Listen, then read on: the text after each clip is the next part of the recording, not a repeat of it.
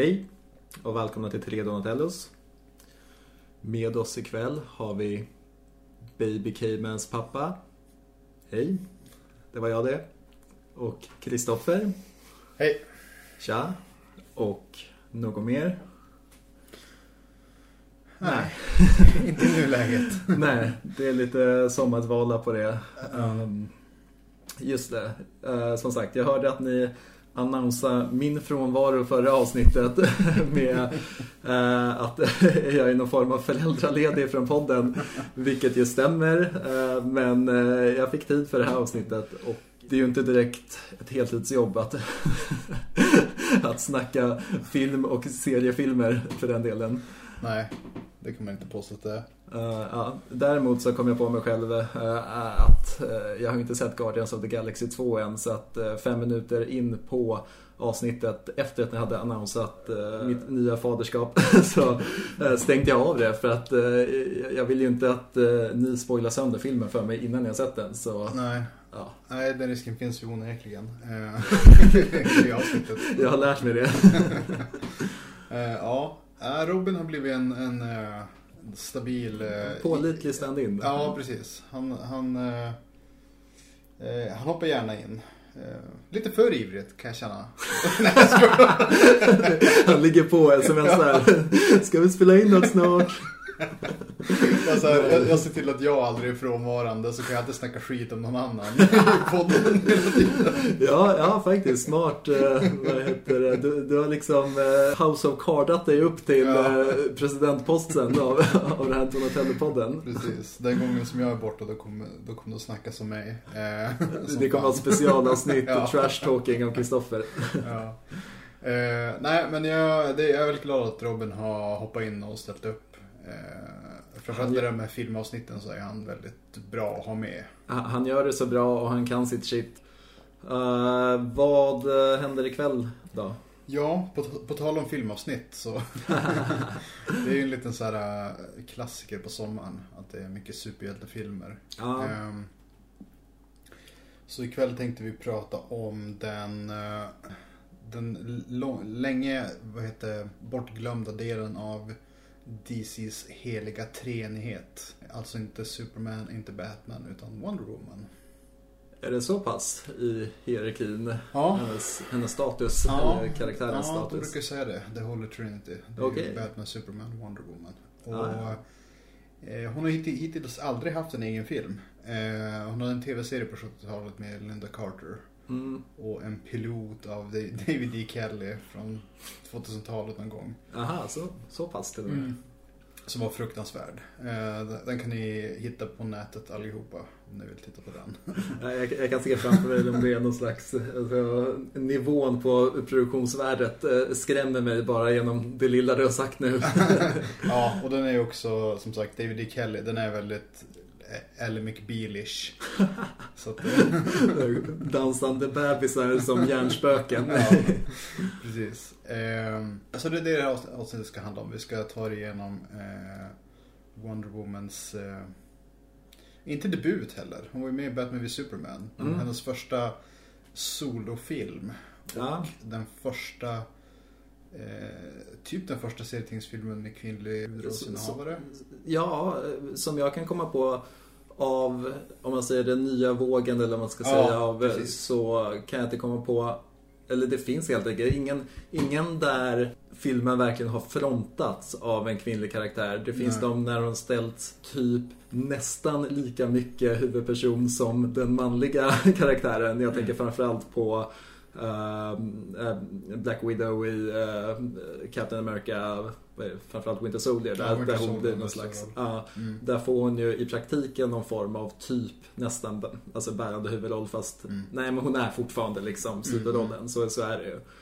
Och sen, på, sen har vi då i, i tv-format har vi haft till exempel Jessica Jones nyligen mm. som väldigt uh, omtyckt. Så att, eh, Just det, Supergirl går ju fortfarande. Ja, precis. Så det finns ju på tv-fronten, men i filmfronten har det väldigt, väldigt svagt. Och det är ju väldigt konstigt också att just Wonder Woman som är en sån eh, gammal karaktär och så, mm. sån, sån eh, hon har den plattformen liksom eh, ja, precis. för sig. Ja, exakt. Det är, det är som sagt, hon är, det är, som sagt, det är hon, Superman och Batman som är de tre, de tre stora från DC.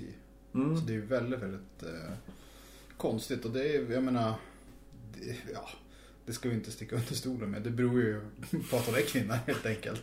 ja, det, absolut. Så är det. det finns ju väldigt många konstiga misconceptions i filmbranschen och en av dem är ju att en kvinnlig superhjälte säljer inte. Ja, Vilket... så det, det, finns ingen annan slutsats att dra helt Nej. enkelt. Det finns in, ingen bortförklaring som liksom på något sätt täcker upp den, den det, det, faktum att det har sett ut som det gjort på ja, superhjältefilmfronten. Ja, eh, så det, det är väldigt bra. Det, det här blir ju ett eh, steg framåt då. För då får vi ju, vi kommer få Captain Marvel nu också från Marvel som mm. är en kvinnlig superhjälte. Och ser ut som att eh, det finns kvinnliga karaktärer som har ganska stora roller i Black Panther. Men det är ju ändå Black Panther som är ja, huvudrollsinnehavaren där. Ja. Men, där finns det för sig ett annat stort liksom, framsteg sett i ja, representation. Ja, så att, ja, men, exakt. Äh, ja, men överlag, alltså, det rör sig långsamt men det rör sig och det är väl det som man får ta med sig. Ja, ja precis, exakt. Eh, ja, så att som vanligt så kommer vi att sitta och gagga om eh, hela filmen. Så om ni inte har sett den, som Cayman inte sett Guardians 2, så stäng av nu och återkom när ni har sett filmen. Gör så.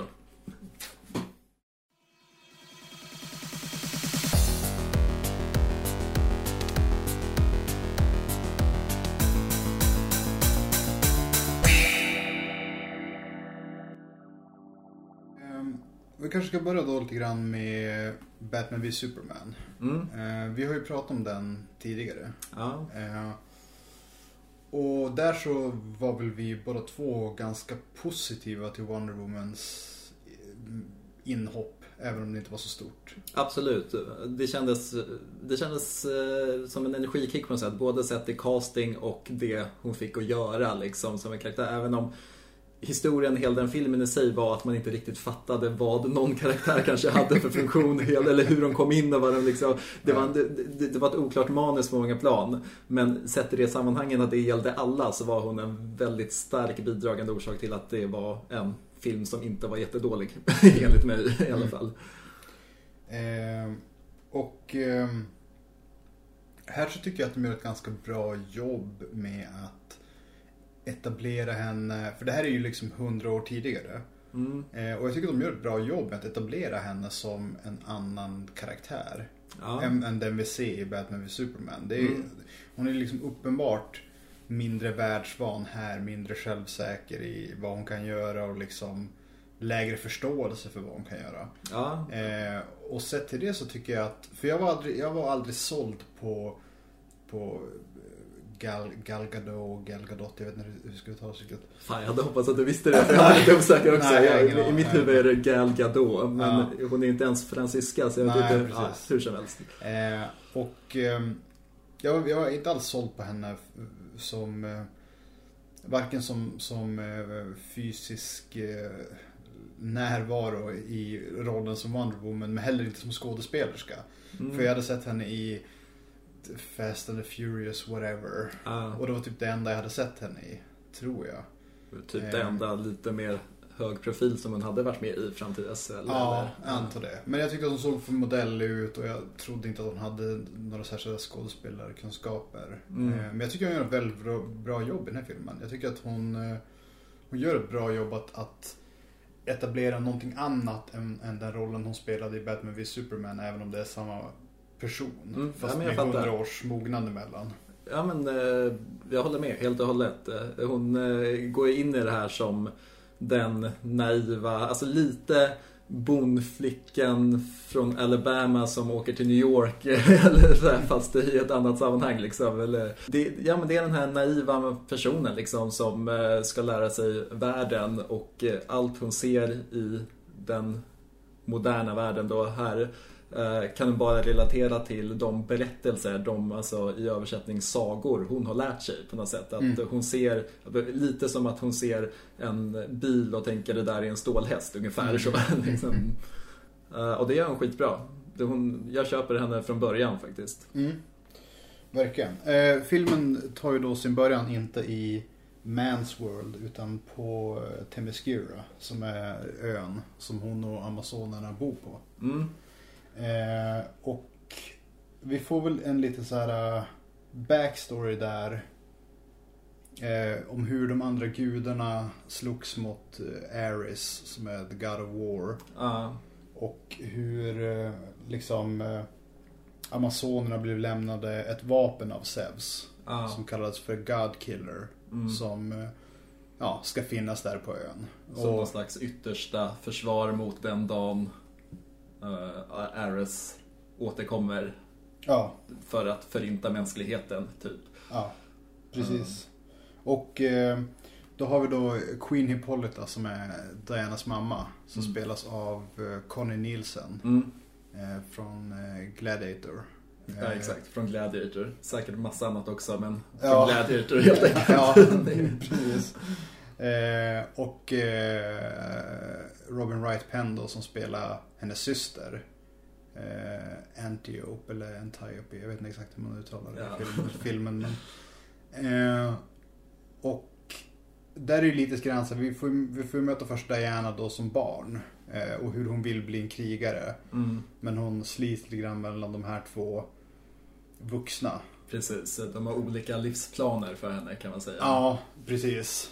Exakt. Eh, Antiope hon vill mer liksom göra en krigare av henne eller låta henne bli den krigare än hon vill bli. Mm. Medan Hippolyta tycker att men nu är det ju fredstider och eh, Kunskap sitter i huvudet, eller, säger, eller makt sitter i kunskap mer än i svärdet. Lite så. Ja, och, eh... precis.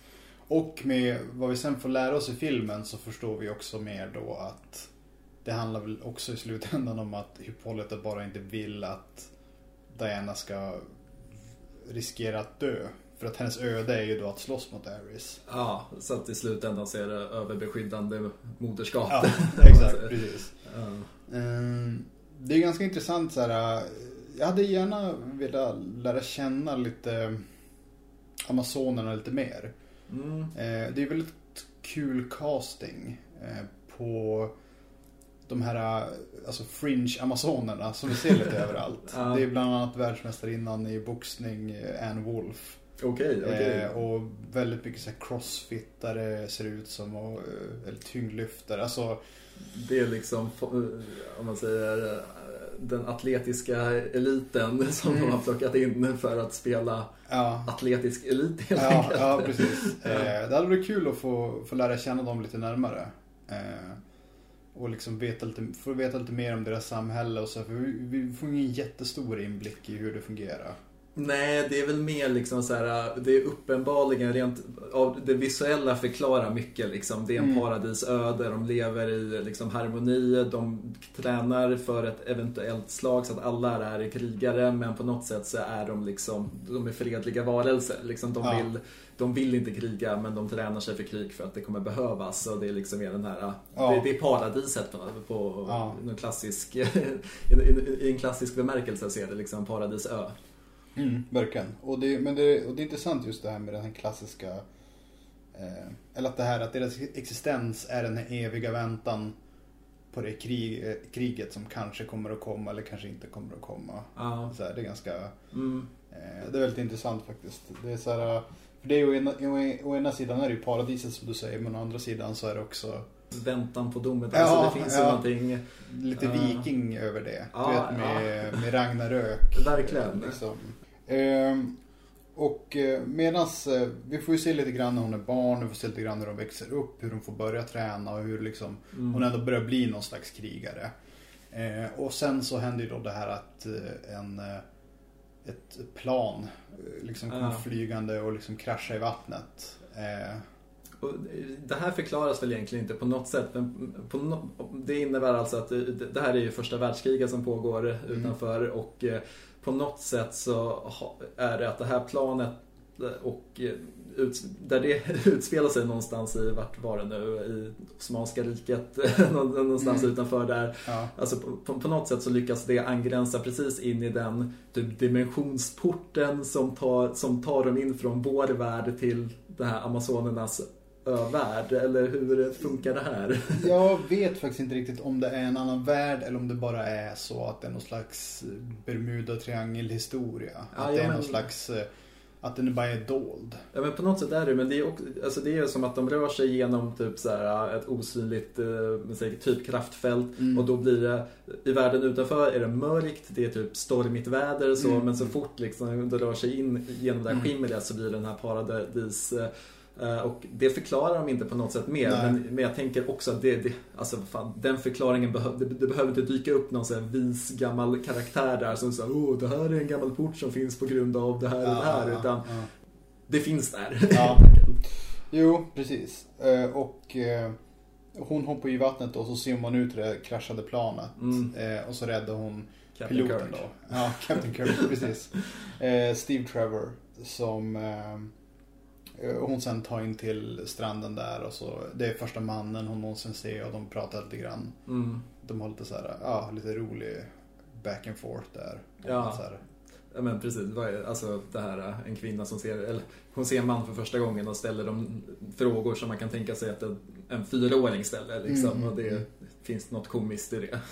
Eh, och eh, ön blir invaderad då. För han säger typ, jag tror han säger det ganska tidigt, vi måste typ sticka härifrån eller någonting. Ja. Och då kommer det in så här äh, båtar med tyska soldater. Just det. Från, genom den här liksom uh, samma... eller vad det nu är. Ja, ja exakt. Precis där han kom in. Och amazonerna liksom attackerar då de här äh, attackerande skeppen. Det blir lite krig där, lite coola actionscener. Mm. Eh, men eh, Antiope hon dör för att hon blir träffad av en kula då. Just det. Som är som är liksom meant for Diana. Hon hoppar uh. ju i vägen liksom blir träffad av den. Mm. Och, men Amazonerna vinner i alla fall. Ja. Tyskarna slutar i alla fall komma. Mm. Eh, så då sen förhör de ju Steve Trevor och så här, vem är du? Ja. Eh, och han är då en spion som har eh, stulit en eh, Notebook. Ja, precis. Ja. En notebook av eh, Dr. Maru som är en kemist för den här tyska Ludendorff. Mm. Jag vet mm. inte vad han, är, vad han har för grad. Men någon slags militärchef. eh, som, som, eh, hon, hon hjälper honom att utveckla ett gift starkare mm. än någonting ja. världen har sett fram tills dess. Så Steve Trevor har stulit den här eh, notebooken som ska ta tillbaka den till de allierade styrkorna som han slåss för. Ja. Eh, för att liksom, ja, knäcka det här. Precis. Han ska, ta, ja, han, ska, han ska beröva dem fördelen med att ha jätte, jättefarlig giftgas. Ja, precis. Och eh, då blir det lite så här att hon, att Diana hon är så här, ja men jag ska för han berättar ju om det här att det är första världskriget och bla bla. Och då blir hon direkt så här, hon bara krig. Ja, ah, det måste vara Aris. Ja men mm. då, det är min plikt då att hjälpa dig typ. Precis. Eh, Medan de andra är så här, nej men det är så här, Ja. Det är inte vår sak. Ja, men, eh, här kommer nästa steg i det här. Eh, min tanke kring det här med att, eh, hur hon liksom kopplar allting i den riktiga världen om man ska kalla det det mm. mot, dem, mot det hon är liksom boklärd i. Alltså att hon mm. har lärt sig om att krig för henne, det är ju liksom den grekiska gamla liksom mm. gudakrigen. Men när han pratar om krig så är det första världskriget. Men hon vet ju inte vad det är för krig. Hon vet inte vad skyttevärnskrig är. Så att hon Nej. ser framför sig liksom så krig. Mm. Just det, hon, det enda hon vet är att det finns en legend om att Ares kommer tillbaka för att förinta mänskligheten. Mm. Och eh, han då berättar att det är ett krig där ute som håller på att förinta mänskligheten. Mm. Så att då kopplar han ihop det som att så här, allt jag har lärt mig kommer hända händer tydligen nu. Jag mm. måste ut mm. och göra något åt det. Liksom. Ja. Och uppenbarligen så är det Ares som står bakom det här. För att mm. enligt legenden så är det han som kommer driva det här kriget där mänskligheten ja. förintas. Ja.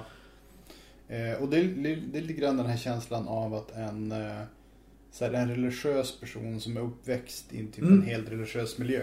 Exakt. Men sen är de, de äldre ändå så lite mer pragmatiska. Typ så här, jo vi tror ju på det här men samtidigt så...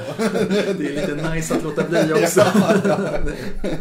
Exakt, medan hon är mycket mer ja, naiv eller godhjärtad eller man nu vill tolka in i det. Gammeldags ridderligt ädel på något mm. sätt. Alltså, så här, den, det, det, är en så stor sak att hon, måste, hon, kan, hon kan inte, inte liksom, blanda sig i det. Nej, precis. För det här är en sån film som, som har det här lite grann eh, fisk ur vatten scenariot. Mm. Eh, som, som första Thor till exempel hade. Ja.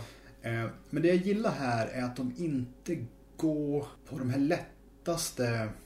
För det är en sekvens där mm. de är nere och han badar. Ja. Eh, och så tittar hon på honom när han är naken. Och han är så här, oh shit, damn. Och så hon bara, ja ah, är du, är du en, en, vanlig man? Och han bara, I'm above average. Blah, blah, blah. Men hon, hon, hon, bara, hon snackar inte ens om hans kuk. Liksom, utan det är någonting helt annat som notebooken eller något ja, som var där. Exakt. Och typ såhär, what is that? Och ja. han typ såhär, blir såhär, hur ska jag förklara ja, vad mitt kön är för något innan exakt. han märker att det inte är det han syftar på. Ja. precis. Och likadant sen eh, när, de, eh, när de sticker från Themyscira mm. så är det ju så här att han bara, åh nej, vi kan inte ligga tillsammans för att det gör man inte om man inte är gift. Så här.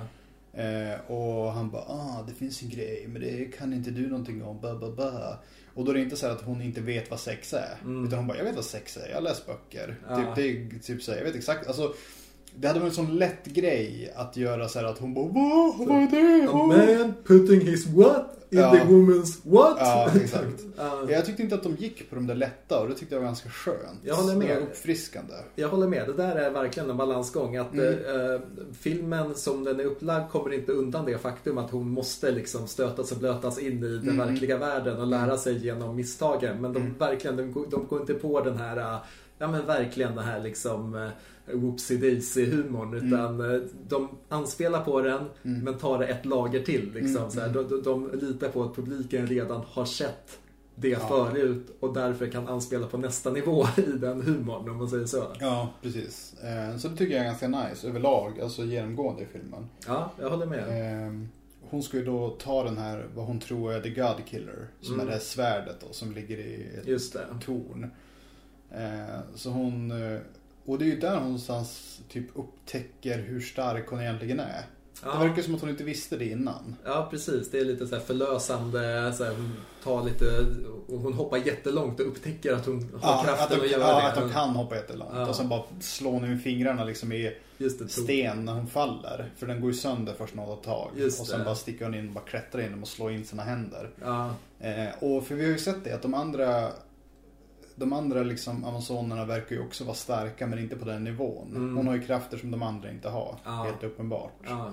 ja. jag vet inte. Jag tycker det är ganska nice att det var de, de eh, det visar sig på ett ganska så här organiskt sätt. Men jag, jag håller med. Jag tänkte också på det under filmens gång att uh, istället för att förlita sig på den klassiska typ att uh, låta en karaktär typ så här man väntar med tills att den börjar träna och sen kommer ett typ fem minuters montage där man ser den genomgå hela den förändringen. Mm. Nu, nu planterar de in montagen redan långt innan mm. och sen liksom smög in det hela vägen mm. medans annan historia utspelade sig. Mm. Och sen kom klimaxet när hon visade sig att hon hade kommit jättelångt i sin utveckling. Det var mm. också ett sätt att inte gå i samma berättarmässiga fälla utan liksom anspela på exakt den dramaturgin men göra det snyggare helt enkelt. Ja. Precis, eh, verkligen så. Och det tycker jag, ja, det är väldigt nice. Eh, men så de sticker därifrån då när hon har hämtat eh, grejerna. Mm. Svärd och lassot och skölden och där. Eh, och sen åker de till London. Det är väl det, det, är det första de gör efter ja, det. precis. Där de träffar då The most British man in the world. ja, som då är David Thewlis som den här Sir Patrick. Så jag misstänkte från början att det var någonting med den där. Du gjorde det?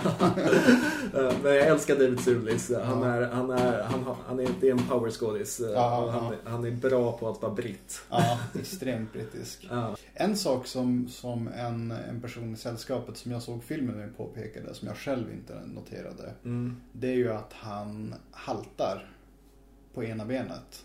Ah, okej. Okay. Uh, ja, nu när du säger det så det gjorde han ju. mm, precis, det gjorde han ju. Och det är samma ben som Aris blir skjuten med en pil eller en blixt eller någonting när Aris slåss mot gudarna i historien i början. Kan, kan, kan det betyda något? Kanske. eh, det la jag faktiskt själv inte märke till. Nej, nej det, eh, men det tänkte jag inte på heller mer än att typ nu när du säger det så mm. ja det gjorde han. Det... Hans roll när han introduceras är ju att han är någon form av typ minister eller vad ja, är han? Som sånt. propagerar för en vapenvila som Med är Tyskland, på gång. Ja, precis, precis. Att, mm. det är fred på gång, en mm. vapenvila på gång. Det finns de som i typ parlamentet som säger nej vi ska kriga men han är liksom, han är en duva mot hökarna liksom. Mm. Han är eh, då objektivt sett en good guy. Han mm. vill lösa det fredligt. Mm. Vad heter han nu igen? Chris Pine? Steve Trevor. Steve Trevor, just det.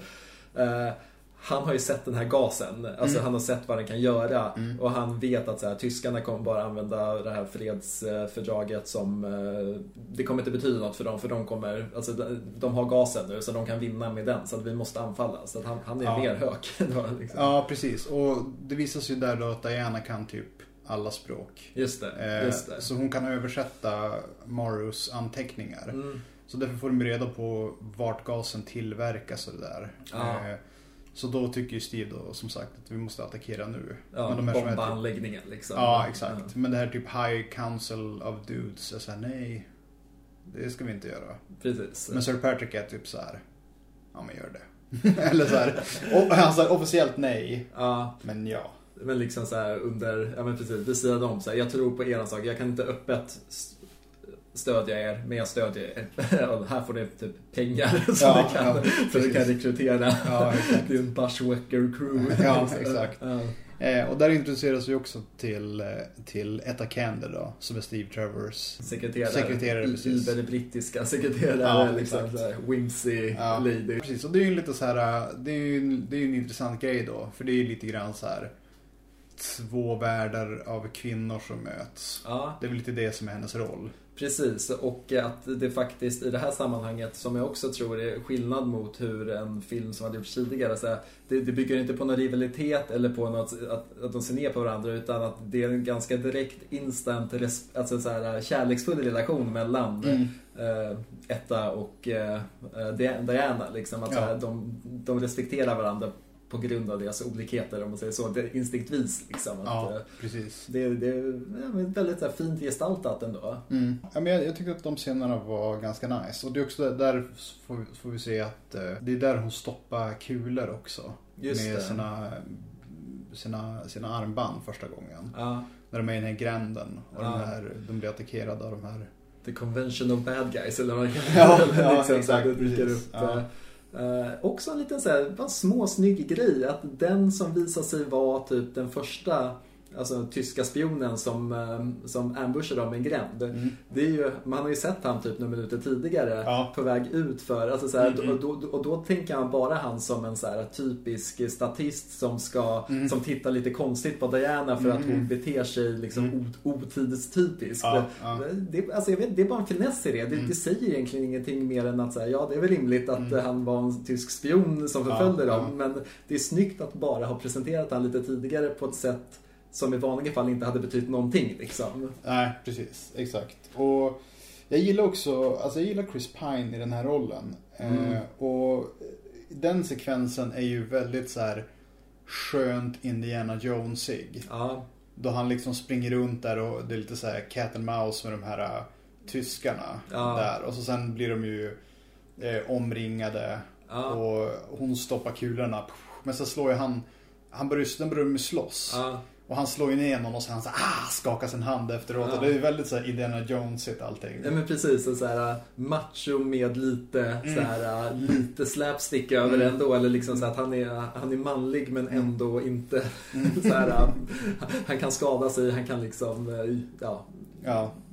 Snubbla runt lite om ja, säger så. Det, ja, jag måste säga, Chris Pine är fantastisk i den här rollen. Och mm. det är verkligen så, han är en skådis som jag har inte sett henne mycket. Det är liksom Star Trek och här om förra året den här helt andra typen av rollen i uh, Hell or High Water. Ja, precis. Som mm. en helt, men, han är, han är, jag tror stenhårt på hans liksom, kapacitet. Mm, mm. Riktigt bra skärm i den här rollen. Liksom, ja. För det är det den här rollen bygger på mycket. Liksom. Ja, verkligen. Väldigt mycket charm så. Eh, och eh, Eh, sen rekryterade de ju det här teamet då. Ja. Eh, där som han, han känner sedan tidigare. Just det. Som är den här eh, Samir som jag antar... Eh, vad var hans roll? Alltså det, det lustiga med det här är ju att alltså, han ska rekrytera ett gäng där alla fyller sin, alltså lite Oceans Eleven-grejer. Ja, liksom. Alla ska ha, Där typ den första då, Samir är, hans grej är väl att han kan, han är en actor, han kan ja, snacka, exakt, han kan övertyga det. folk. Han, han är charmig och typ kan snacka. Exakt, och egentligen är mer än det liksom. Nej, precis. Eh, och och eh, Charlie han är sniper. Just det, typ eh. fyllebult som ganska trasig person efter, ja. efter mycket krigsupplevelser. Ja, som, precis. också har lite comic relief. Eh, ja. ja, alla de har ju typ det hela det. Ja, precis. Och sen är det The Chief som är en stor eh, typ native american snubbe. Som är någon slags uh, så pathfinder. Just som kan det. liksom hjälpa dem att hitta. Um, och um, det som ändå är nice är att alla de här har ju alla de här snubbarna, alltså jag tänker inte liksom så här du vet, overstate deras roller. Ja, precis. Eh, men de har ju allihopa någon sån här ganska nice grej. Mm. Eh, I Samirs fall så är det ju det här som du var inne på nu, att han vill bli skådespelare. Ja. Det är ju sen när de stannar där och, är det när de dricker bärs kanske? Eller något sånt. De snackar lite grann. När det framkommer hans ja. drömmar och så eller liksom. Ja, det är något tillfälle i alla fall som han pratar med Diana och så säger han liksom att så här, jag blir skådespelare mm. men jag har fel färg för det. Just det. Vilket antagligen stämde 1918. ja, ja, ja, vi ser inte så mycket, vi ser inte direkt eh, så många arabiska leading män som det är nu heller. Nej. Så att det kan ju knappast ha varit bättre på den tiden. Eh, och Charlie har ju det här med att han är att han har typ grav PTSD. Och liksom egentligen inte alls är up for sniper duty at this det, moment.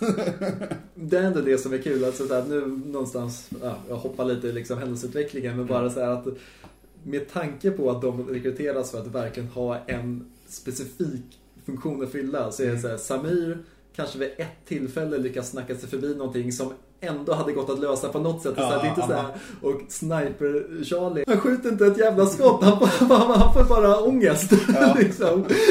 Och han Pathfinder fyller en funktion då för att han kan signalera med öksignaler sen. Ja. Men det, alltså det fina i det här är att det känns medvetet att de här är på något sätt, poängen med de här karaktärerna är att ge en slags, att fylla historia med liksom så här, ja, snipern snipar inte för att han lider posttraumatisk stress liksom. Ja, ja. att, att, eh, att, det berättar något om kriget, det berättar exakt. något om tiden. Det, ja, berättar, så att det, det, är typ sjukt originellt. Alltså den lilla mm. vändningen i mm. en karaktärs funktion. Ja, verkligen. Aldrig sett tidigare. Nej. Det är en sån här typ av film, definitivt inte. Nej, precis. Och det är det som är intressant. För de är ju någon slags, de är ju någon slags eh, fördjupande katalysatorer snarare än karaktärer i den bemärkelsen. Det är sant. Eh. Alla de lär Diana något om ja. världen. Det är så man kan se det. Precis, för att Chief han lär ju henne det här om... Äh, han, hon, de, hon pratar med honom om krig. Uh. Och då är han så här, han bara, ja men jag, jag vet krig. Det kom snubbar från Europa och typ dödade alla oss. Uh. Och så här. Och hon bara, ah, vad fan vad, vad var det för, vad var det för så här, män som gjorde det? Uh. Och han bara, ja ah, men det var hans folk. Och så pekar han på Steve Trevor. Ja, liksom. just det, exakt. Och det är också så här, typ mind-blowing för henne. Precis, att nu är exakt. de där och strider tillsammans. När... How can that be? Liksom, ja. enligt den logiken hon är uppväxt med. Ja, det, exakt. Men det är sant, den delen. Och så är det väl Samir som lär henne. Det är han som berättar väl att Charlie har det här eh, posttraumatiskt ja. och liksom säger såhär everyone has uh, typ his own battle to fight. Eller någonting ja, så att ja. ett krig är mer än krig. Krig ja. är någonting man har inom sig som liksom eh, kan leda en åt olika håll. Så det är mm. också något som hon ja, som bygger på hennes liksom, förståelse för världen. Mm. Uh, och i övrigt då, Charlie blir på något sätt att hans funktion, det blir det sen också, att hans funktion blir så här, och han säger typ såhär, jag, jag, jag, behöver inte följa med längre, jag är bara ett, en belastning. Mm. Och hon bara såhär, men vem ska sjunga för oss då? liksom så att, mm. ja men det, det alltså, hur cheesy det än må låta så är det jättevackert. Ja, jag tycker precis. det är superfint. Ja. Hon, hon, eh, Steve lovar henne, i utbyte mot att hon hjälper honom från ön, mm. så ska han ta henne till The War. Just vilket det. i det här fallet då är västfronten. Ja. Som de hela tiden är på väg mot. Ja. För hon är säker på att Aris kommer att befinna sig där västfronten är. Ja. Eh, och det gör ju inte han. Men samtidigt så deras två mål är ju egentligen samma mål ja, i, hans, eh, i hans värld ändå. Exakt, det är ju egentligen samma. Det är bara att hon har den här förenklade bilden av att mm. krig finns här på punkt mm. A. Mm. Och i punkt A så finns den som har skapat kriget, Ares. Mm. Så att hon liksom såhär, where is the war? Och de står liksom mitt i typ en sån här sönderbombad stad typ. Och så han ja. bara såhär, vad menar du? Vart är mm. kriget? Vi mm. är i kriget men liksom, det är bara ingen som skjuter just nu. Så här, Ungefär så. Eh, vilket också är en sån här grej hur, ja men så här, berätta något om den stora bilden. Eller? Ja, precis. Eh, och sen så har de ju också då den här sekvensen då de, eh, de kommer till det här No Man's Land-området. Ja just det, riktigt sådär skyttegravshelvete. Ja, liksom. precis. Och på vägen dit så är det också lite grann Hela den resan är någon slags odyssé i vad krig är. Mm. För hon, som, som, som, du var inne på, hon vet ju inte riktigt vad krig är i den bemärkelsen. Mm. Och vi ser mycket så svältande barn, vi ser några som mm. piskar en häst som har fastnat i leran. Och hon säger så här, så gör man inte mot en häst. Och liksom, och Steve är hela tiden så här, men vi måste gå vidare, vi måste gå vidare. Vi kan inte stanna för alla mm. de här sakerna. Ja. För det vi lär oss mer och mer om han, det är ju att han också säkert har varit väldigt idealistisk en gång mm. i tiden. Men han är också jävligt, nu är han jävligt jaded och nu är han väldigt så här men det här är mitt mission, det här är mitt mål. Jag måste hela tiden gå framåt, gå framåt. Vi kan inte hålla på och vända oss om. Vi kan inte hålla på och titta åt sidorna utan vi måste framåt liksom. Exakt, ja men verkligen. Det är sant. Man förstår att han har varit en superidealist liksom. Som ja. har ja, men, blivit realist eller vad man ska säga. Ja precis. Han har ju sett liksom krigets fasa och han vet att det finns ingenting positivt med att liksom Ja, och att man kan inte förändra något genom att stanna till och vara snäll Nej. mot typ det här djuret som Nej. är plågat just här. Utan det finns ett större mål. Ja, liksom. exakt. Han är väldigt big picture liksom, ja. hela tiden. Eh, men då är det den där sekvensen de kommer till det No Man's Land området då. Mm. Där de inte har lyckats. Det är ett riktigt skyttegravskrig och de har inte lyckats.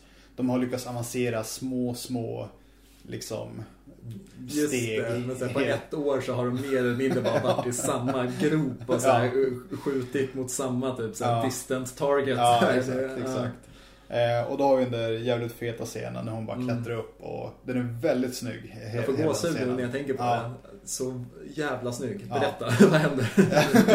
Nej men hon går ju upp där och han hinner inte stoppa henne. Så mm. hon bara klättrar upp mitt i slagfältet. Och så bara börjar hon bara liksom springa framåt. Och liksom de skjuter granater som hon bara liksom stopp, slår iväg med sin sköld. Uh. Vid något tillfälle så är det så här kulspruta eld mot henne och hon bara håller emot med skölden. Uh. Och liksom det är så snyggt för hon glider liksom lite bakåt och liksom håller emot sådär. Ja, eh, precis. Och då lyckas hon ju få lite så här, väcka lite, vad ska man säga, hopp hos de andra. Så ja. de börjar också komma upp ur skyttegravarna. Hon, hon, draws the fire, eller vad ja. hon, så att liksom, hon, hon, hon, har all, hon tar all deras eld ja. så kan de liksom smita upp. Och... Ja, precis. Och hjälpa henne. Typ att när hon, när hon fastnar med kulspruteelden så tror jag att det är någon som dödar kulsprute, ja. eh, liksom skjuter kulspruteskyttesnubben. Ja, eh. du menar snubben som skjuter kulspruta? ja. Eh, jag gick inte lumpen. ja, jag fördelkortade också. Eh. ja, vi har gjort ett kort avbrott för vi har fått besök. Vill du presentera dig själv? Hallå. jag heter Pernilla. Hej Pernilla. Hej. Oj, då har du både för och efternamn. Ja, jag vet inte.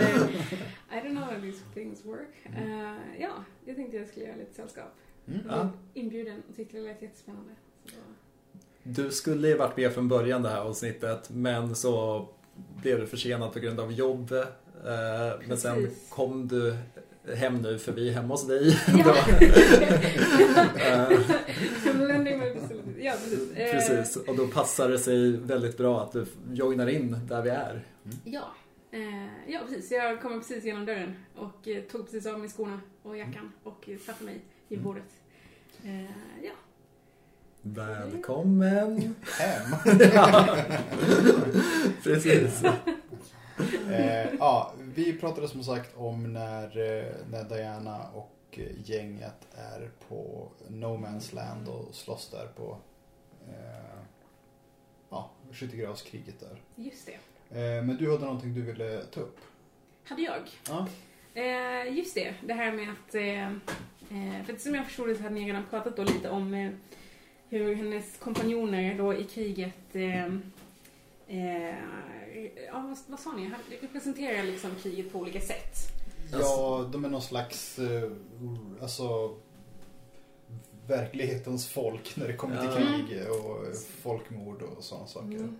Så de ger liksom perspektiv på vad krig är utöver sagobokskonstruktionen om krig, om man säger så. Liksom vad det gör med människor, vad den får för ja, konsekvenser i deras sätt, deras egna liv, självbild. Just det. Och jag, jag tyckte det var en jätteintressant eh, take på det. För att jag tyckte att jag, när jag tittade på filmen, kände jag att jag saknade väldigt mycket eh, faktisk eh, dialog kring kriget. Eh, eller så här, att någon faktiskt förklarar för henne men, eller ens försöker förklara att det är de här olika fraktionerna och det är så här långt har kriget kommit, här är fronten på den här platsen liksom. Eh, och att det liksom inte, att eh, folk bara liksom ignorerar lite att, och, och accepterar att hon är väldigt naiv kring vad krig faktiskt är. Eh, och det är så att jag liksom längtade lite efter.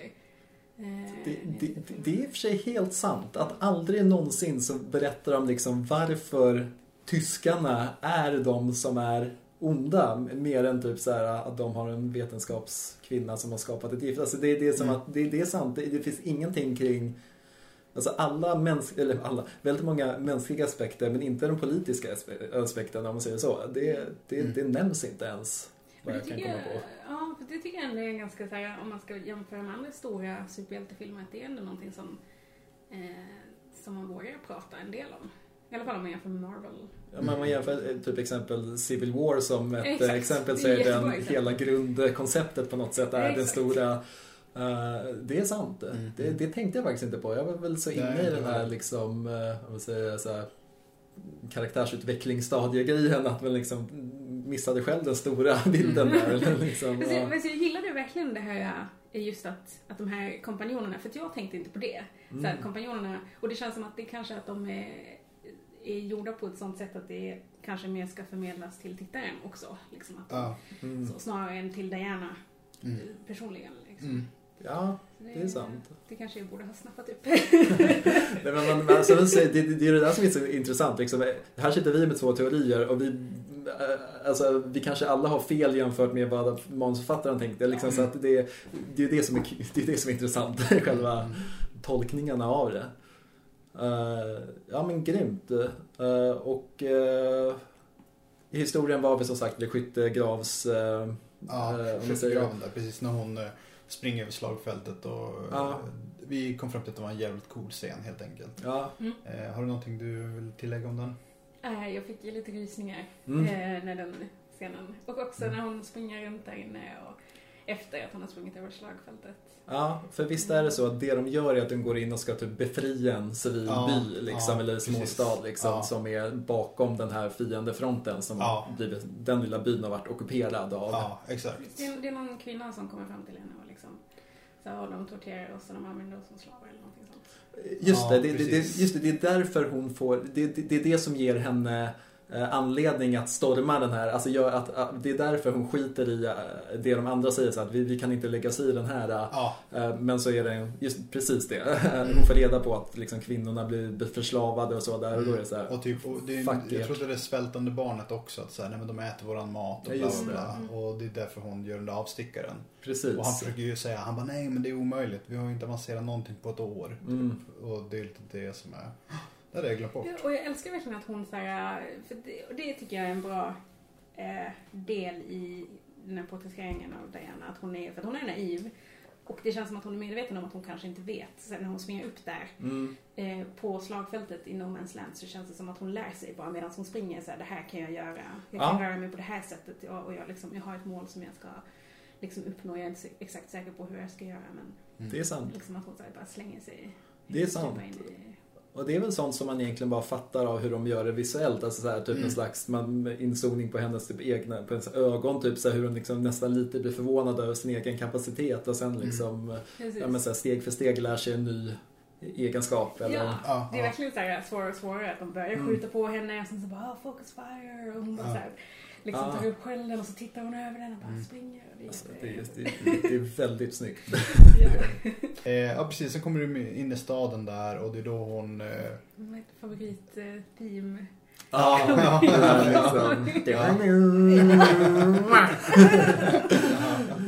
ja, den är mäktig. Amazing låt verkligen. Ja, ja du, du minns att du sa ju du Kai när vi, eller okej okay, men, eh, när vi... Eh, Snacka Dawn of Justice. Ja, eller? exakt, ja. precis. Jag minns att du sa det, du bara, om, du, om, om ditt liv hade ett, ett sånt theme skulle du vilja att det var det. Ja, exakt, exakt. Det, exakt. det är det soundtracket jag vill ha när jag typ går in i ett rum så alla bara kollar ut. det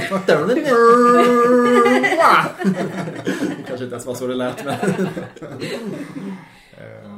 ja, Nej men det är precis och sen eh, det är väldigt mycket som händer där. Hon uh, typ fånga en pansarvagn med lassot eller något sånt där och kasta det va? Och Ja, lite allt möjligt. Hon liksom Ja. kommer in genom ett fönster. Hon så här hoppar upp Ja. genom ett fönster och bara Ja, precis. mördar alla där inne. Ja. Just det. ut på ett tak. Och, eh, Eh, och de, de liksom hänger efter och försöker liksom hålla Ja, jämn tempo. Men de är hela tiden alltså, efter henne. Alltså Steve och Charlie. Och... ja. precis, de är ju just det. när de så här, Mm. Ja men det är så här, hon tar ju fronten och de smyger bakom och tar de enkla liksom, Ja, så här, ja. skotten och så. En jävligt snygg grej. nu, nu är kapp det vi pratade om här om den här snipern och att han liksom inte sniprar något i filmen. Ja, men att de lägger upp det här som en liksom så här Ledaminiger Ryan Ja. eller liksom Full Metal Jacket Ja. sniper-scen Ja, verkligen. ja, ja. Det finns en tysk i ett torn som skjuter liksom ner och de bara Sniper! Och det är liksom, det är så här, all, all filmisk dramaturgi bara, lus- bara liksom dras åt att eh. Charlie kommer visa liksom vad han är till för. Ja, Och så liksom, han tar position, han tar upp sitt gevär typ så här. Men bara ballan ur. Han liksom så här, får inte ur sig någonting för Ja. han, han är förstörd liksom. Det Och då är är, så himla nice att de visar det på Ja. det sättet. Liksom. Så himla tydligt. Så här, liksom, den här snubben har trauma. mm. Man, precis. går lite, man kan inte alltid räkna med, med honom liksom. Mm. Och också att det precis efter, eller snarare på grund av det kanske, att det tvingar dem att samarbeta på ett annat sätt. Liksom. Mm. Exakt, det är sant. jättehäftigt. Precis, och det här då att det liksom visar också på så här, vad krig är då såklart. Så här, för att han- hans, hans enda funktion var liksom Mm. ha en funktion i ett krig. Mm. Men på grund av krig så kan han inte göra det. Liksom. Ja, alltså, så här, det, är sån, alltså, det är en sån smack in the face på det sättet. Liksom. Ja, det, är, ja. det är bara det är en väldigt tydlig, tydligt budskap som både funkar mot publiken men också i hennes karaktärsutveckling. Liksom, vad hon lär sig om Mm. ja, vad, hon, vad hon sysslar med helt Mm. enkelt. Ja, precis. Och sen så istället för sniper-scen så typ kastar hon en bil på tornet eller det är någonting sånt vad som händer. Nej, hoppar- Men då är det väl hoppar Shield... upp själv. eh, Är det, är det inte då den Det är här... den här scenen där de liksom så, bara så tydligt, Just det, så ja. tydligt visar så här, liksom, att de litar på henne och att de liksom är... De i är hennes hjälp. Ja, de är där för Ja. att understödja henne. Liksom. Ja, Just det. ja. Eh, Och det är ju en snygg callback också för Steve såg ju det på stranden. Mm. Det är movet. mm. Där de skrek Shield och så hoppar på skölden och Mm. hoppar vidare. Så han visste att hon kunde, Ja. alltså att hon skulle fatta den Precis. grejen. Ja. Ja, Det tänkte inte ens jag. väldigt snyggt. Ja, bra upplagd Ja, liksom, krigsscen eller vad man säger. Mm. Men jag gillar verkligen så här, jag, jag är verkligen en sucker för alltså, eh, när hjältar, särskilt när det är flera stycken, när de samarbetar eh, på ett väldigt så här, lika sätt. Så här, att alla Mm. är equals. Eh, och det, det är också en sån här scen. Eh, som är, och jag älskar i, i Star Wars, där de den senaste intervjun 1907 där de liksom efteråt bara yeah, high five, you were good, but you were good. Ja, Sådana grejer, jag älskar det. Eh, men jag tyckte det var lite samma feeling här. att liksom- alla har sin funktion liksom och bidrar. Ja, Liksom. ja, det är inte bara one hero. Mm. Det tyckte jag var jättenice. Ja men verkligen. Snygg scen rakt igenom. Alltså från Mm. skyttegravar till Ja. eh, den här eh, om man säger, befrielsen Ja. av staden. Mm. Eh, Det, det är liksom med lätthet den bästa actionscenen i liksom DC's, DC's. universum hittills. Ja, skoja inte. Och då Skoja gillar jag ändå eh, eh, den här eh, fighten i slutet av Batman v Superman när Wonder Woman kommer in och liksom hennes steam kör igång och hon bara så här börjar spöa på som. 17 och Ja. bara jag, tyckte, jag älskar de scenerna. Ja men det, det, som, det som jag tycker att den här har som den inte har. Det är att den så uppenbart är typ i ett green screen rum. Mm. Och Doomsday finns inte på riktigt. Här är, det ju ändå lite riktigt folk hon slåss mot. Alltså det är mer så här. Den här scenen känns autentisk. Det känns som liksom en, jag menar typ redan med Ryan fast man har Ja. kastat in en superhjälte i det liksom. Och det, ja precis. Och det är lättare att följa vad som händer Ja, också känner jag lite grann. Precis. Eh, därför att jag tycker att jag tycker lite grann att, eh, det kommer jag komma tillbaka till sen. Men jag tycker att slutstriden i den här filmen lider lite grann av samma sak som jag tycker att Doomsday-striden i Batman v Superman lider av. Liksom. Ja, och den bryter av jättemycket från de andra striderna. För att den här Mm. striden då, när, när hon kommer in i den här lilla byn då, Mm. eh, hela den är ju jättelätt att följa. Precis Mm. som du sa, jag älskar koreografin. Mm. Samma i de andra fighterna som har Mhm. varit, Mm. även på stranden till exempel. Ja. Eh, och också att de använder liksom bullet time shots. Eh, kanske inte så sparsamt som jag skulle önska. Men ändå så här, på ett klassiskt sätt som inte är bara liksom booty shots och sådana grejer. Utan Mm. man faktiskt visar what kind of move she's doing. Alltså mm. väldigt så tydlig, det här är eh, inte bara för show. Riktigt. Nej, det, tycker jag i alla fall. Jag tycker mm. det är nice. Mm. Ja, ja absolut. Det var ju, den kvällen då har de lite relaxing och dansa och dricker bärs. Eh, den, den, den mysiga fest, äh, festscenen ja. eller liksom när de kan ja. relaxa för första gången tillsammans. Liksom, ja, så här, de kan åtnjuta öl tillsammans. och liksom ta lite andrum ja. från det hela. Det Precis. En liten bubbla av lugn. Och... Mm. Det är väl då det blir lite de undertryckta känslorna mellan dem kanske ja. framkommer lite mer. en av mina favoritscener i hela filmen. Mm. När, eh, eh, när han följer med henne upp på rummet. Ja. Och står i dörröppningen och liksom tittar lite sådär eh, puppy eyes på henne och ska gå ut igen. Ja. Eh, är på väg ut och hon bara No boy, you come here. uh, och han bara okej, okay, okej. Okay. Liksom att han så eftersöker hennes uh, liksom consent ah, uh, på ett ah. sätt som är jättefint tycker han är, jag. Ja, han är gullig verkligen. Ja, han är, han är så pojkaktig. Respektfullt. Ah. Ja. Alltså väldigt, alltså jag måste säga att den karaktären Chris Pine, förutom att han gör det så bra, den är så välskriven på det sättet att de lyckas göra honom, de lyckas skapa den här karaktären som både är en Alltså, jag tror ju att typ den tidens krigshjältar, om man nu ska säga liksom, om det finns något sånt, eh, mm. Var typ som honom. Alltså, det var ju de med de stora idealen, med de som verkligen trodde på liksom så här, äh, att stå upp för sitt fosterland, för att äh, sitt fosterland stod för någonting bra och liksom äh, verkligen såg det som att deras lilla del i kriget på riktigt gjorde skillnad. Liksom, så här, mm. På ett helt annat sätt än vad man tänker sig att så här, kanske men idag är det väl mer såhär mercenaries liksom så. Mm. Men just den här klassiska bilden på den tidens Our boys in war liksom, om man säger så, är väldigt välskriven tycker jag. Mm. Mm. Och det är också där de tar den här bilden då som är en plot device i Batman oh, v Superman. just det. Och också början eller? Ja, exakt. Precis. Ja, just det. Vi hoppade över det. Men den här filmen börjar ju med att hon sitter och skriver ett mail till Bruce Wayne. Just det. För att, quite honestly, I don't give a fuck. Ja. Att... Nej, men det är han som han hittade... Det var han som hittade originalbilden. Ja, och, precis. Och då tittar hon på den och ja. börjar liksom minnas sin Ja, stad. exakt. Men det, det kändes så himla... Nej, jag gillar inte alls. Och det är väl dessutom samma scen från Batman v Superman. Det blir exakt samma det, scen. Det, alltså, det känns väl som det var något sånt väl? Jag Eller, tror det. Jag liksom har inte så klara bilder av... Jag, Batman Superman. Jag, jag, jag, jag har aldrig sett om den sen jag såg den på bio. Och, det, var liksom så, det var ett virrvarr liksom, av intryck i den filmen. Ja. Uh, hur som helst. Virrvarr var rätt ord. Ja. uh, jag är svag för den typen av plot devices, eller vad man ska säga också. Alltså det här med en gammal, gammal liksom, nött bild som man ser hundra år senare och sen ja. gå tillbaka och se vad som föranledde den bilden. Alltså jag, jag får liksom gåshud och en slags nostalgi, eh, liksom eh, nästan lite ångest men så här tiden går, allt som händer och liksom alla var så oskyldiga på den tiden, typen av... Det blir liksom väldigt episkt. Ja, exakt. exakt. Det är perfekt för att... Exakt, exakt. Jag är också svag för episka saker. ja, ja, men det är en bra liksom, det, det, är ett smart drag att använda. Liksom. Det är väl lite som, jag menar, Titanic använder väl den också. Mm. ja. uh. eh, eh, och efter det här så då sticker de till, till det här uh, German High Command.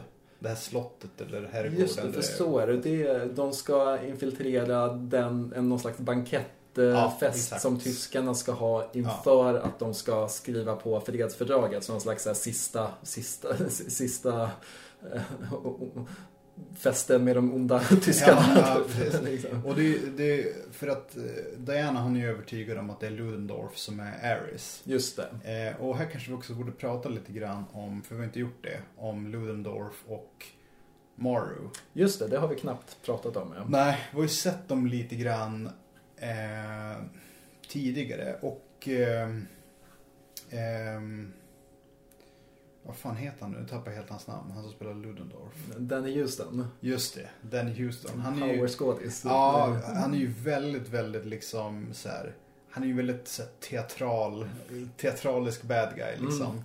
Mm. Eh, och hon är ju, hon är lite mer hon också, hon också ganska, de är ganska over the top båda två. Ja, alltså på ett nice han, sätt. Som en matinéskurk ska vara, tycker jag. Han är ju klassisk nazi liksom. Mm. Alltså, Medan hon ändå är lite mer intressant som en slags, hon känns som en så här missförstådd människa. Alltså, hon, hon känns som någon som har så mörkt förflutet och hade hon hamnat i ett annat sammanhang så skulle hon gjort bra. Men liksom, så här, hon, hon, känns som någon som har varit med om dåliga saker. Liksom. Ja, ja, jag tänker att hon är så här, Jag ser henne som en ganska så här, liten människa som är väldigt ambitiös, har blivit skadad, har bagage som gör, så här, ger henne issues. Men att hon ändå är så här, hennes ambition var förmodligen det som Liksom. Men all hennes stolthet ligger i hennes intellekt kanske. Liksom. Ja. Att hon är dåligt självförtroende på allt annat. Liksom. Det, ja. hon, hon, går ju runt som en så här, kuvad människa. Hon har mm. det kroppsspråket. Mm. Uh, sen också en snygg grej, men så här, hon har liksom mask för ansiktet där hon är deformerad. Man, man, får aldrig höra vad det är. Man, man, vet aldrig vad som har hänt med henne, varför hon har deformerat ansikte. Mm. Eller missar jag något? Mm, jag minns faktiskt inte. Jag, jag tänker, att, eh, jag tänker att det har att göra med hennes egen sina egna ja, experiment. Det, det, det, ja, I och med att hon sysslar med så här frätande gaser så är det helt möjligt rimligt. Men det ger en ganska nice look tycker jag med den där porslinsdelen. Mm. Jag älskar för övrigt kemin mellan de två. Det känns verkligen som att han är lite han har liksom övertalat henne lite på grund av att han är någon slags eh, Alltså Sexapil. Ja, att hon är liksom dragen till honom på ett romantiskt sexuellt sätt. Ja. Som brukar vara, det brukar ju vara liksom lite tvärtom. Mm. Eh, rent klassiskt. Eh, och att han är så ganska stor, burly ja. man. Eh, som, och också att han verkar lite medveten om detta. Ja. Att han manipulerar henne sexuellt. Mm som en fem fatal skulle ha gjort. Mm. Men faktiskt, nu, nu när jag säger det, verkligen så. Och, men inget, ingenting, allting är under ytan liksom. Så det, ja. det, här är någonting som man verkligen kan tolka in. Ja. Liksom, men de, de anspelar inte fysiskt på det. Ja. Det, det är skitsnyggt. Mm. Uh, jag, jag, bara kom på en sak, en sak som en tidigare berättelse som jag bara tycker var så jävla fantastiskt sätt att visa hur onda de ändå är. Mm. Och det är när han ska döda de här uh, de andra liksom, tyska officerarna, de som är mm. för fredsfördraget. Och han mm. säger så här, nej, vi kan vinna med den här gasen. De bara, mm. nej, vi ska skriva på ett fredsfördrag. Mm.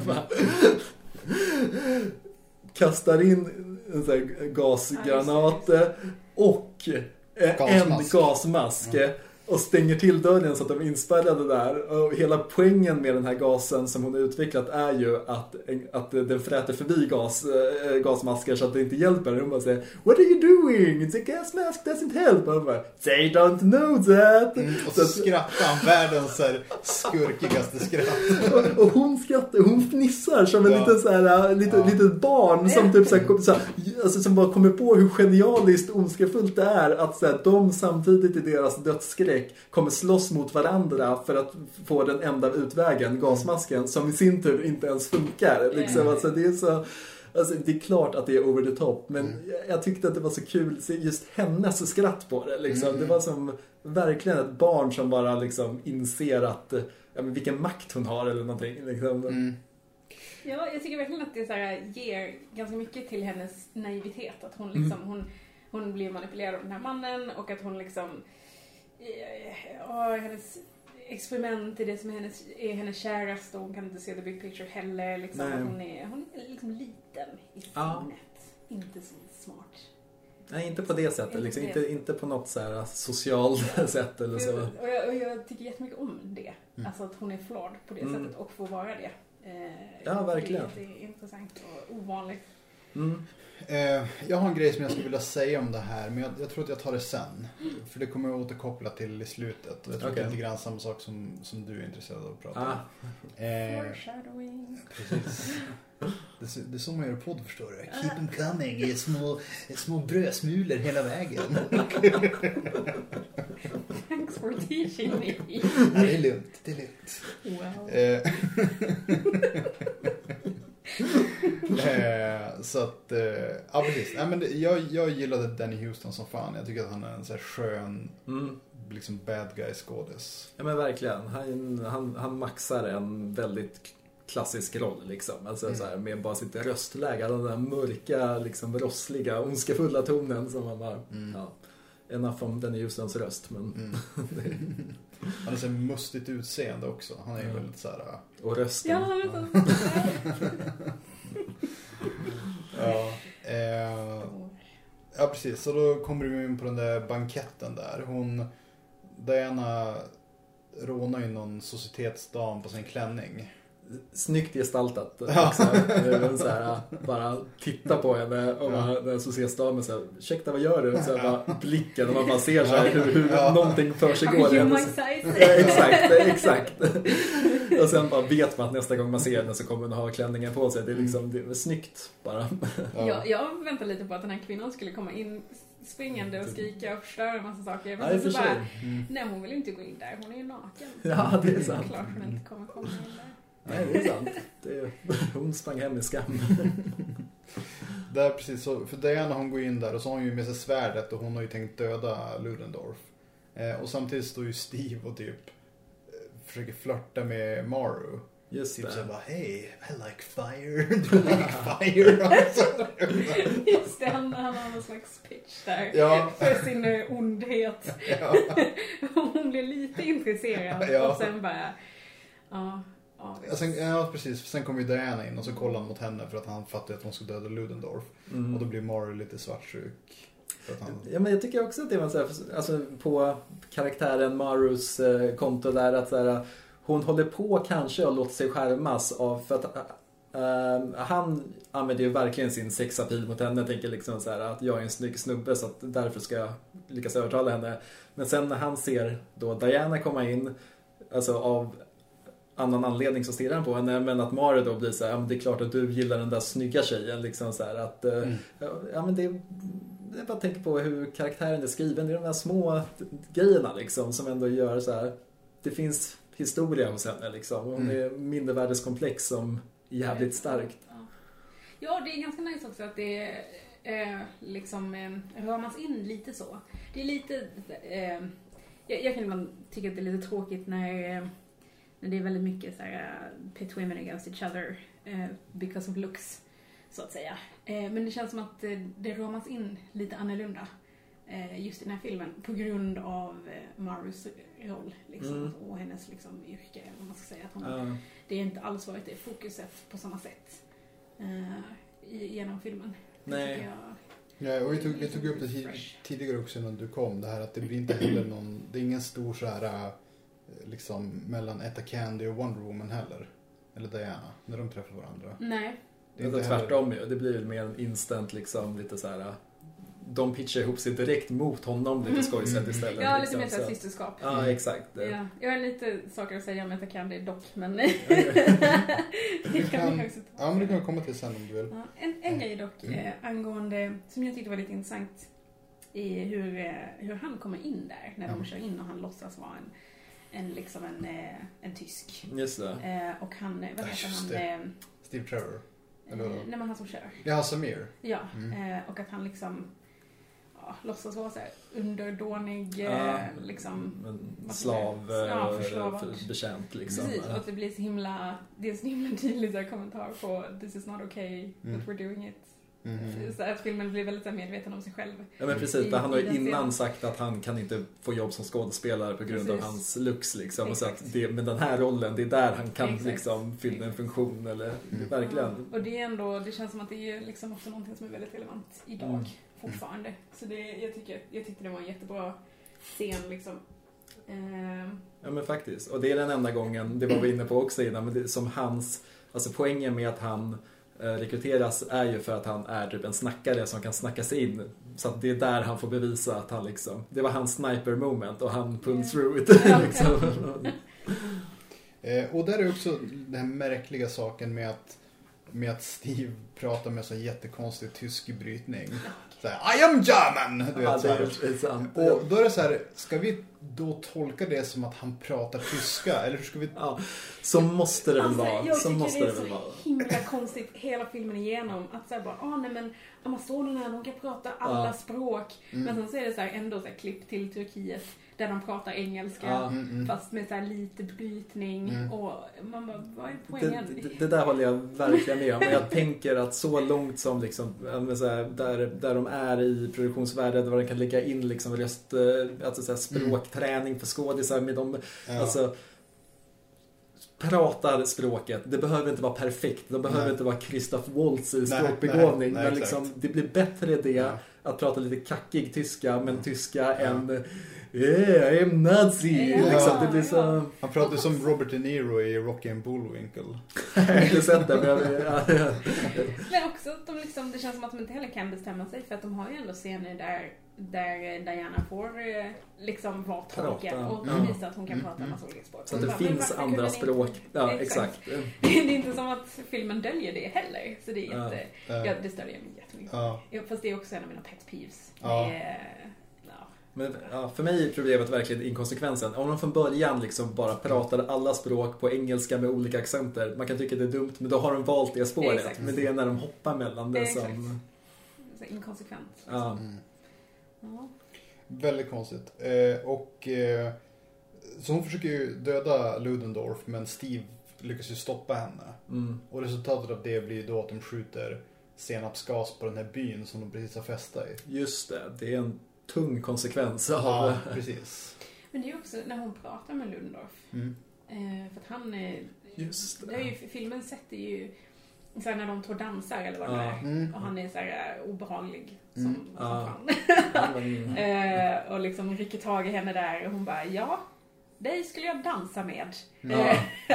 eh, och, eh, och han liksom, filmen hintar liksom jättemycket på så här, men hon kanske har rätt. Mm. Jo, det kanske finns en Aries, han kanske är Aries. Mm, liksom. definitivt. Eller, ja. Mm. Eh, och det Ja, det, nu missar vi. vi hoppade fram. Ja, men jo, jo, precis. Jo, men absolut. Och vid det här laget i filmen så var jag ändå ganska övertygad om Alltså jag, trodde, jag trodde större delen av filmen att, inte, att, att svaret var att det inte fanns en Ares. Eller att han kanske fanns men att han liksom inte skulle dyka upp i filmen. Utan att hela, för hela mm. filmen är ju liksom eh, ah, skitsamma, vi kommer tillbaka till det här sen. För att det, det, det, vi, vi kommer, det, det är exakt det jag vill komma till. Det, det, det, här, det här som vi vill prata om sen. Ja. Men, eh, ja men precis, nej, men det har du helt rätt i. Den hintar väldigt starkt där åt att han vet vem hon är. Känns det ju som. Ja. I den scenen. Eh, men sen skjuter han senapsgas på den här byn och Diana hon är ju såhär, vad fan Steve. Du ja, dödade den byn. exakt, det är så här, jag Exakt, det här var en direkt konsekvens kan man säga av att han stoppade henne från att döda honom. Liksom. För att det mm. han gjorde sekunden efter att hon inte dödade honom är att ge order om att uh, bomba byn. Mm. Det, det, var det, det var det som hände i den mm. ordningen. Liksom. Det var nog en av de scenerna som gjorde att jag störde mig mest på det här att de liksom inte verkar ha pratat med henne eller försökt förklara för henne mm. de här olika funktionerna och sådär. Uh. Det, å andra sidan så här, det är liksom it moves the plot forwards. Uh, men jag tycker att det är en plot convenience där. Att hon får anledning att vara arg på honom. Ja. Bara, men, uh. ja men absolut. Men, uh, ja. ja. Filmen lider väl kanske lite grann av DC-itis. Ingen pratar med varandra. Batman och Superman bygger på att de inte pratar med varandra. Exakt, det är sant. Om de bara hade tagit en öl och liksom ja. bontat lite så hade de kommit fram till att de hade, deras mammor hade samma namn. Det är så enkelt. Why did you say that name? uh, Men eh, så att eh, Diana hon jagar efter Ludendorff då, för han flyr därifrån och hon jagar efter. Ah. Och sen kommer vi då till, hon jagar väl honom på häst här för mig. Ja. Mm. Och Steve får tag på en motorcykel och typ Just det. jagar efter vidare. Ah. Eh, och så kommer vi till, till den här, det är någon slags flygbas va? Ja det är det, precis. Till. Vill ja. du säga någonting? Nej, jag, bara, jag, var så rädd att hästen skulle dö när hon redan varit inne i ja, gasmålet. Jag bara, ja. oh, Ja, just det. För hon rider, just hon rider i staden först. Ja. Och just så fattar hon att hon inte kan... Det är då hon blir så här ja. rage, liksom. Då tappar hon liksom lite ja, man säger, konceptet och ja, precis, exakt. går på ren aggression. Ja, exakt. Mm. Eh, så hon kommer in på det flygfältet och ja, hon dödar en massa människor. Och till slut kommer hon ju till Ludendorff där. Han är uppe i något torn. Mm. Eh, och... de, de, står där och snackar i, eh, i den tornet. Mm. Och sen mm. så tar han en liten sniff. Ja, för en sin typ dunderhonung eller... Just det, för det har, det har vi inte, det har vi inte heller pratat om. Just att han får någon slags styrka. Ja, exakt. För det är också en, en, en red herring genom hela filmen. Att Morrow ger honom någon slags supersteroid. Ja. Som han sniffar i sig. Och hon säger hela tiden, eller när hon ger dem första gången så säger hon It will help you regain your strength eller någonting. Just Vilket det. fick mig att tänka, jaha han är väl Aris då? Ja, hon har med någon slags vilande kraft Ja. och hon kan... Ja, exakt. Exakt. Ja, det har vi snackat om. Jag, jag tolkar det inte alls så. Nej, inte jag heller, men jag fattar hur du menar. Ja, man kan tänkte- tolka det så. Ja, Ja. Eh, precis, han tar ju sin, sin supersteroider och så slåss de lite grann. ja. Men eh, han är väl ändå en ganska lätt match för henne. Ja, hon spelar honom. Det, det, det här är verkligen, den här fighten mellan han han och henne, hon, han tar den här, alltså jag tänker så här, om man tänker fighting-dramaturgin i alla andra sådana här, det är alltid liksom så här det godas överläge så visar det sig att den onda ha- hade en dold grej och så liksom så bollar det lite fram och tillbaka och till slut så och till slut så vinner den goda inte som man hade trott utan genom någon lite mer smart, alltså inte på brute force utan så här Mm. mer liksom, det, det det är den klassiska, så varenda Marvel-film har den slutgrejen, Mm. varenda så här i det här fallet hon går upp där, jag ska döda dig. Han bara, jag har en superkraft här så att du kan inte döda mig. Hon spöar skiten ur honom. En lång, lång, lång scen där man ser typ, eller men säger, lång, lång eh, tagning mer. Där man typ ser henne ta upp svärdet och liksom Oj. närma sig honom så här, ska avrätta honom. Och i alla, alla, alla andra liknande filmer så skulle typ, alltså i det här fallet då, eh, Steven, eller heter det Steve?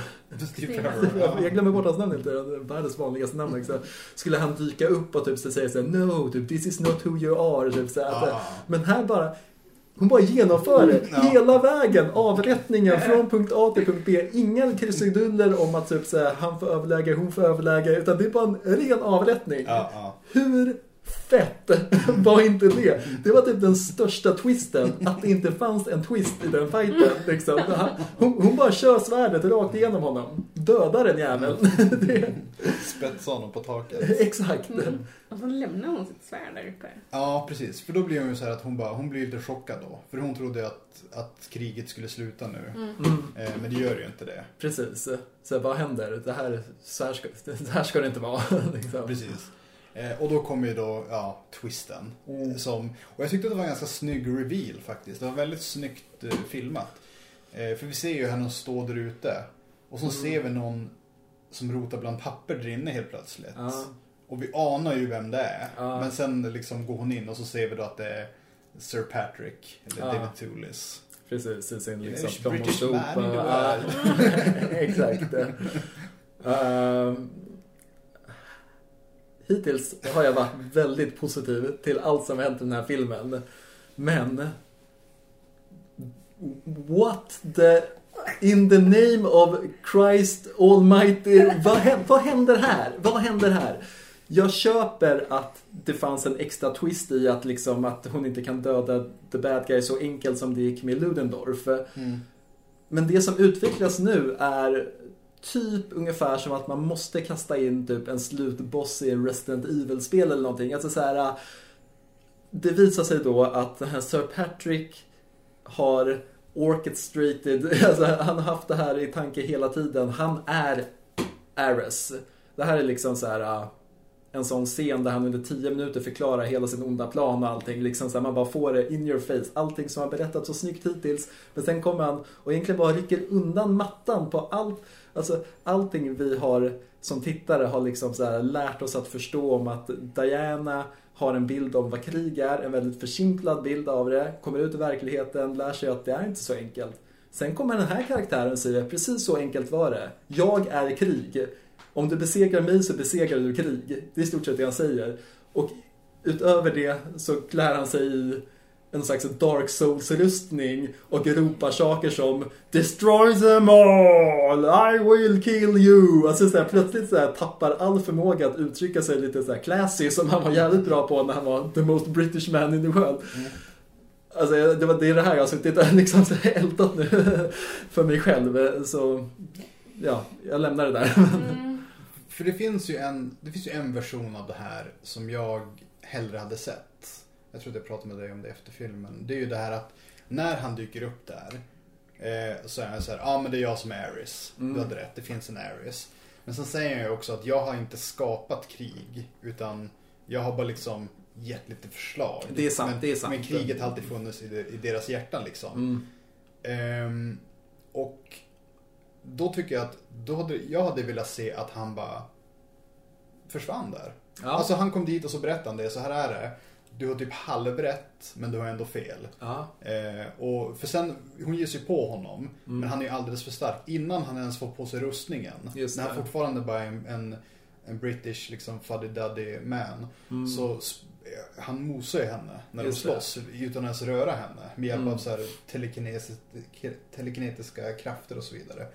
Eh, det hade varit coolt tycker jag om han bara hade försvunnit där ur filmen. Ja, alltså, han bara, du, du är inte stark nog att råda bot på mig. Och... Alltså typ spara honom till någon slags senare liksom film eller ja. historia eller vad som Fast helst. han har väl ett motiv i så här, att eh, oskadliggöra henne så att säga i och med att hon är the God Killer. Ja, precis. Och om hon blir kraftigare och växer mer då.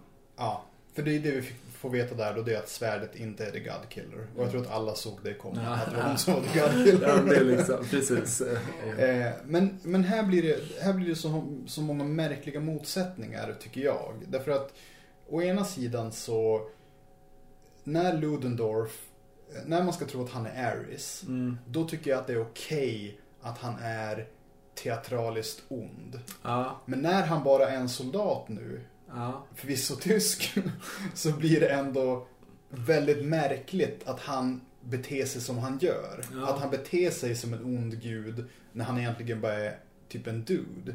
Ja. Eh, och samtidigt så blir det det här att, att Ares säger till henne jag har inte skapat krig. Jag har bara liksom suttit liksom idéer i människors huvuden som Maru, som mm. Ludendorff. Men sen när han blir besegrad så ser vi ändå soldater ställa sig upp och börja skaka hand med varandra och bara nu är vi inte fiender längre. Det är ja. det första vi ser efter att han blir besegrad. Så jag, jag, förstår liksom inte riktigt budskapet. En, en, annan sån motsättning är det här liksom att som sagt, han säger att han bara inspirerar alltså den destruktiva kraften som människor har inom sig. Att det är så här, Men samtidigt så har han den fysiska kraften att göra, stå för all den förstörelse som han genom jättemycket långväga gånger vill få människor att göra själva istället av en anledning. När, han, när det passar honom kan ta på sig sin dödsrustning och göra det själv ändå. Alltså då blir det mer för jag tänker skillnaden här är, om man tar Civil War som exempel igen så är skillnaden där att då är det en snubbe som själv inte kan stå för all förstörelse så därför så plottar han folk mot varandra och använder deras inneboende jada jada. Men liksom, ja. Jag får inte, det, det känns plötsligt inte rent liksom. Det, du håller inte med här känns ja, det som. Alltså för jag, jag, eh, jag, jag, tänk, jag, kan tänka mig att, eh, alltså vi vet ju inte egentligen vad Aris har för krafter. Vad, vad han kan åstadkomma. Eh, så jag, jag, kan nog tänka mig att han är nog inte så stark som han vill påskina. Och han liksom blev nedslagen av Zeus och att han liksom har levt i flera tusentals år på jorden. Eh, men också kanske att det finns ett motiv för honom där, att han tycker om att se Alltså att han frodas i krig liksom. Så han kanske är lite the Joker på det sättet. Ja, eller? Mm. men det, det framgår ju inte heller riktigt. Nej. Så det, det stämmer ju. Alltså det, man, man måste fylla i lite själv där. Och det, det är lite lazy writing tycker jag. Mm. en, en grej då om man, ehm, eh, just det här med Lundorf och liksom eh, att han bara var en vanlig dude. Mm. Eh, och också, för jag, för jag, återigen att man fyller i lite själv, men jag tänkte att han hade blivit påverkad då, dels av vad Aris liksom hade viskat i hans öra, eller vad man ska säga. jag trodde ärligt talat att Lundorf och, jag trodde att Aris skulle liksom visa sig vara Lundorf, men också liksom den här, vad, vad heter han? Sir Patrick. Sir Patrick, att det skulle vara samma person. Mm, liksom. ja, att de kunde så här, ske, byta skepnad eller vad det nu kunde vara. Ja, mm. eh, och att eh, i slutet där, när hon dödar honom, att han liksom bara skulle så här, dyka upp bakom henne. För att den, den, den, de scenerna är jätteutdragna. Liksom, att hon, mm. hon är uppe på taket, hon dödar Ludendorff, hon kommer ner. Mm. Och han, liksom, han dyker upp där, så Patrick dyker upp och hon bara nej. Just där är det så upplagt att det skulle vara Ludendorffs typ Precis. lik då, som, alltså ja. att han var, återtog sin skepnad eh, eh, eller exakt, någonting. Det är exakt. sant. Mm. Eh, och så står han där och pratar med henne och hon bara åh nej, jag ska döda dig. Hon, så här, klipp, eh, för att hon så här, liksom springer iväg, eller vad man säger, hoppar. Eh, presumably upp på taket. Klipp mm. till någonting annat, någon så här, när de springer runt och loadar Mm. Eller, lägger, eller ska försöka stoppa leveransen av bomber. Ja precis, för under tiden som allt det här händer så Steve han tar ju, han stjäl flygplanet med all senapsgas. Exakt. exakt. Uh, och sen så klipp tillbaka till Diana, exakt samma så här, liksom kameravinkel och allting där hon hoppar ner igen och har tagit svärdet och han bara stått där och väntat liksom. hon var typ där ska ta den.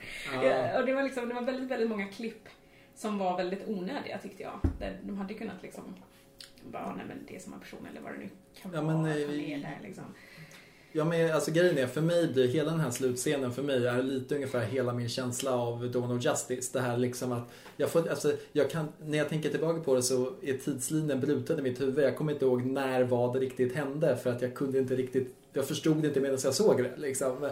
Och nu, jag kom på, just det, vad var det där att först ser man snabbt när han, eh, Steve tar beslutet att han ger henne klockan och tar beslutet att dra med ja. planet. Men man hör inte vad han säger någonting. Nej. För det kommer, återkommer till sen för ja. att liksom ge henne, för att visa vad som ger henne typ kraft eller vad man säger. Ja, liksom. precis. Och det, det, är inget fel i det greppet. Men Nej. Där och då hängde jag inte med i det riktigt. Men det var nog för att jag blev så, det var nog ett övergripande förvirring. Allting är väldigt förvirrat i den, mm. i den striden. Att de har, mm. de har väldigt mycket liksom shots där, man, där vissa karaktärer är i en viss position i förhållande till varandra. Ja. Och sen i nästa så här, två shots senare så är de på ett helt annorlunda sätt. Mm. Ja. Och, och liksom eh, det sammanfaller inte riktigt med vad man tänker att de säger. Nej, nej, hur de har rört sig. Mm. Det är väldigt mycket sådana mm. grejer liksom. Och ja, konstiga konstiga shots som, som ja. är förvirrande tycker jag. Mm, mm. Ja, men det ligger nog mycket i det. Det är nog en stor anledning till virrvarret liksom mm. i, i mitt sätt. För jag tycker att allting var så klart fram till dess. Det var liksom en, historien följde en tydlig röd tråd i karaktärsutveckling och övergripande tema liksom gentemot publiken. Så. Mm. Och där bara hände något. det, uh. Också, och apropå den här vad, vad sa du, Demon Souls, Dark Souls rustningen ja. som man plockar på sig. Det kändes också så himla cringy. jag är ond! Ja, Hur ond? Så, himla... så här ond! American evil! ja, I'm muscly liksom. Jättemycket muskler och elak röst. Ja. Liksom. Och liksom just att hans, hans sätt att uttrycka sig i ord också går från att kunna vara så här väldigt så brittiskt aristokratiskt till att bara kunna säga typ så här, You shall join me or die! Typ. Ja, liksom. Det... Ja i och för sig, eh, för att återgå där till hans motivationer och sånt. Mm. Liksom, jag kan ju tänka mig att det hade väl varit en, en bra situation för honom om Diana hade liksom... För att hon höll ju på där lite grann. För att hon blev så himla arg på Steve och, uh. och så att hon blev arg på människor i största allmänhet och att han liksom Just det, han ville bryta ner henne till ja. hans sida. Det var ju Precis, som... bryta ner eller få henne att övergå, jag vet inte, ja. oskadliggöra henne liksom. Ja, på ett... mosa henne med en tank. Typ, hon står och håller i en. Fan vad jag är besatt av bilar och tanks. Men hon, hon, hon står och lyfter typ en bil eller någonting och så vill ju han att han ska mosa henne med ja. Just det, Mao, Mao, Mao. Jag menar mer just det här, den psykologiska nedbrytningen mm. som han försöker sig på. Liksom. Ja. Och mm. så här, vad, vad, är motivationen för honom att göra det? Jo, kanske att jo, men hon blir oskadliggjord om hon går över till hans sida eller om mm. hon liksom ja. ger upp sitt, mm. sin bild av vad krig är eller vad han ja. är för någonting. Typ. Ja. Men he's not doing a good job of it. Nej, han är aldrig riktigt nära på att lyckas. Jag menar att hon, ja, hon, blir, hon, hon, hon, får liksom så här någon fundering i stunden men hon är aldrig nära att liksom gå över till the dark side. Liksom. Det, det händer ju inte. Hon, hon gör dock så här, den, istället för att gå över till the dark side så gör hon ju med den här eh, eh, hon gör ingenting mm. eh, när, när Steve ja, just det. väljer att offra sig. När han visar liksom vilken typ av strid det är ah. som måste stridas liksom. Mm. Eh, och hur, hur man får stopp på den här typen av saker. Ah. Eh, och att han liksom visar henne vad som är the big picture. Och att han liksom betyder ingenting. Vad säger han? I, I, can save today, uh, you can save inte tomorrow utan mer typ så här. Ja, exakt. Jo, men det är det. Alltså, ja, när det gäller, alltså, någonstans när det gäller liksom the big picture ja. så är det här hans pusselbit. Ja. Men hon är liksom fler delar av pusslet. Ja. Precis, och hon förstår ju inte riktigt det. Ingen, hon förstår inte ens vad pusslet är för någonting. Mm, och att hon liksom bara, men jag ska slåss mot Ares eller jag ska mm. inte göra någonting och ni är, ni är dumma liksom. Mm. För att ni är ja, men dumma människor. Att hon Ja. inte har köpt den här bilden som Aris har av att människor är hemska och dumma. Ja. Och därför, alltså hon hade ju enkelt kunnat springa efter Steve och bara hoppa upp och ta planet och slänga ut honom därifrån liksom, eller whatever. Ja, hon skulle kunna kört planet. Hon hade väl antagligen, eller nu vet jag inte, det, det här Ja. är ett problem med superhjältegrejer. Man vet inte hur långt deras krafter, alltså hade hon exakt. överlevt att explodera med senapsgasen där uppe eller, för i, Ja. i sådana fall var det ju helt onödigt att det var han som gjorde Ja, det. Men ja. det, ja, vi måste väl köpa att hon kanske inte skulle överleva att sprängas i, med typ ett ton senapsgas. i- Nej, nej men, men också liksom att hon, ja, fast hon springer in i... I, I senapsgasmolnet. Ja, så ja. ja men, men oavsett vilket, att, här, att hon ändå inser att så här, den, den punkten där hon springer ifrån Steve Mm. och liksom, du är dum, jag, Ja. jag vill inte jobba med dig längre och så vidare, du har lurat mig typ eller någonting sånt. Ja. Eh, från den punkten, om hon inte hade gjort det så hade hon förmodligen kunnat eh, eh, rädda Steve, eller se till att han inte dog liksom. Mm. Det känns som att hon inser det precis efter där, när han dör. Och liksom att hon, aha, klicks, ser the big picture lite. Ja, det är någon annan eh, tagline-ish grej, alltså någon, någon, sägning de har där som också ska inkapsla hela, alltså typ såhär It's not eh, if you It's, it's not if you deserve it, it's eh, what you believe in. Typ så här, att också någonting som ska inkapsla hela det, jag menar så här, eh, konsekvensen i slutet. Att så här, ja, mänskligheten kanske inte nödvändigtvis förtjänar att de här uppoffringarna, men om man bara tror på Ja, att ja, liksom, en bättre värld så, så, så är det det som man ska hålla fast vid. Liksom. Ja. Och det, ja, nej, men jag, alltså, jag, jag är en sucker för den typen av så här, snygga Mm. inkapslingar. Liksom. Uh, life is like a box of chocolate. Ja, men jag, jag tyckte bara att så här, jag tyckte bara att det här var en sån himla mycket mer sofistikerad film än vad det här slutet var. Mm, och, jag, exakt. och jag tyckte liksom att det svek lite grann vad jag tyckte om med liksom budskapet. Mm. Och liksom det blir, jag har också lite grann svårt för det här. Om vi kollar på DCs filmer, Man of Steel. Mm. Den var ju, hade ju också supertråkig liksom dataanimerat slagsmål i vad som kändes som 45 Andra minuter. halvan av filmen Ja. typ det. Och Batman v Superman hade också det. Och den här filmen, tyckte inte att den filmen skulle ha haft det. Jag tyckte det det, här var en så, det här är en så mycket bättre film än de andra filmerna. Mm. Så jag hade velat se ett, ett, ett slut som kändes mer, ja men det, som i Civil War. Ja. Där var det ju många som var upprörda på att Simo inte var den här skurken. Ja. Utan att han bara var liksom a dude with a plan. Men det var ju det den filmen behövde. Exakt. Och Lite mer filosofiskt samtal kring liksom vad Ja, ondska ja, är. och exakt. så vidare, Liksom. Det var inte så att filmen inte hade fet action övrigt liksom. Nej. Så att, det, det, så att det, det kunde kosta på sig en lite mer nedtonad slut liksom, ja, kläm. ja, exakt. Att det bara är Ja. han och liksom Black Panther ute i snön. Det var, Som det var snackar så här. exakt det jag ville ha ut där. Jag, jag ville verkligen att det skulle leda fram till den här, så här slutsatsen att all samlad kunskap hon har samlat på sig under filmens gång Mm. liksom kokar ner i att hon, Mm. alltså det är där hon eh, mognar in till att bli en människa av den här världen. Liksom. Det, är Mm. nu, det är det som är konflikten, Mm. inte Dark Souls-bossen. Liksom. Ja. Det- Here's this guy in a helmet. Exakt, exakt. Som också är bara såhär, deprivative man. Ja, liksom, Ja. Människor är så jobbiga, dumma, jag är arg. Liksom. Exakt, alltså det, för det, det stör mig så, på så många plan för att den här filmen är, alltså så här, nu plötsligt har DCs filmuniversum någonting att bygga vidare på. Nu Mm. har de en mall, de har en karaktär som kan bli liksom fanbäraren. Mm. Det här var skitbra i alla andra aspekter. Alltså jag har verkligen så här, håll, Ja. jag har försökt att inte säga från början att jag tyckte om det här så mycket för Mm. att då skulle det bara bli att man genom hela typ, Ja, podden skulle ja. bara snacka så här, åh, var, men alltså fram till slutet så var jag, jag, alltså, Mm. jag, jag kände en sån liksom så här, harmoni i kroppen över Mm. att så här, ja, men nu har de fått till det Mm. och att hon Gal Gadot, alltså hon har en sån, hon, hon Alltså just det här vi pratade om att hon skulle vara liksom den här naiva men alltså hon gjorde det perfekt. Mm. Alltså jag tycker hon var skitcharmig liksom. Mm. Alltså verkligen så här nailade. Hon var så hård hon ska vara och hon var så mjuk hon ska vara och hon var så Mm. förvirrad hon ska vara. Mm. Och liksom, och eh, kemin med Chris Pine. Mm. Alltså det var länge sedan jag såg en sån kemi liksom i Mm. någon sån här klassisk eh, eh, matiné-romantisk eh, liksom eh, aspekt. Mm. Alltså helt Ja. skitbra liksom. På jättemånga olika plan. Just det här också med att hon, så här, hon var så hård som hon som hon behövde vara, så mjuk som hon behövde vara. Och också för att hon är ju extremt snygg. Mm. Eh, och det är också, det är ju liksom alla superhjältar, alltså kvinnliga superhjältar, de är ju väldigt snygga och sådär. Eh, och det känns som att eh, eh, det har funnits liksom kanske lite en rädsla i hur man ska porträttera det. Mm. För att säga, men åh, de är snygga, vad ska man, hur ska omvärlden liksom Ja. hantera det och sådär.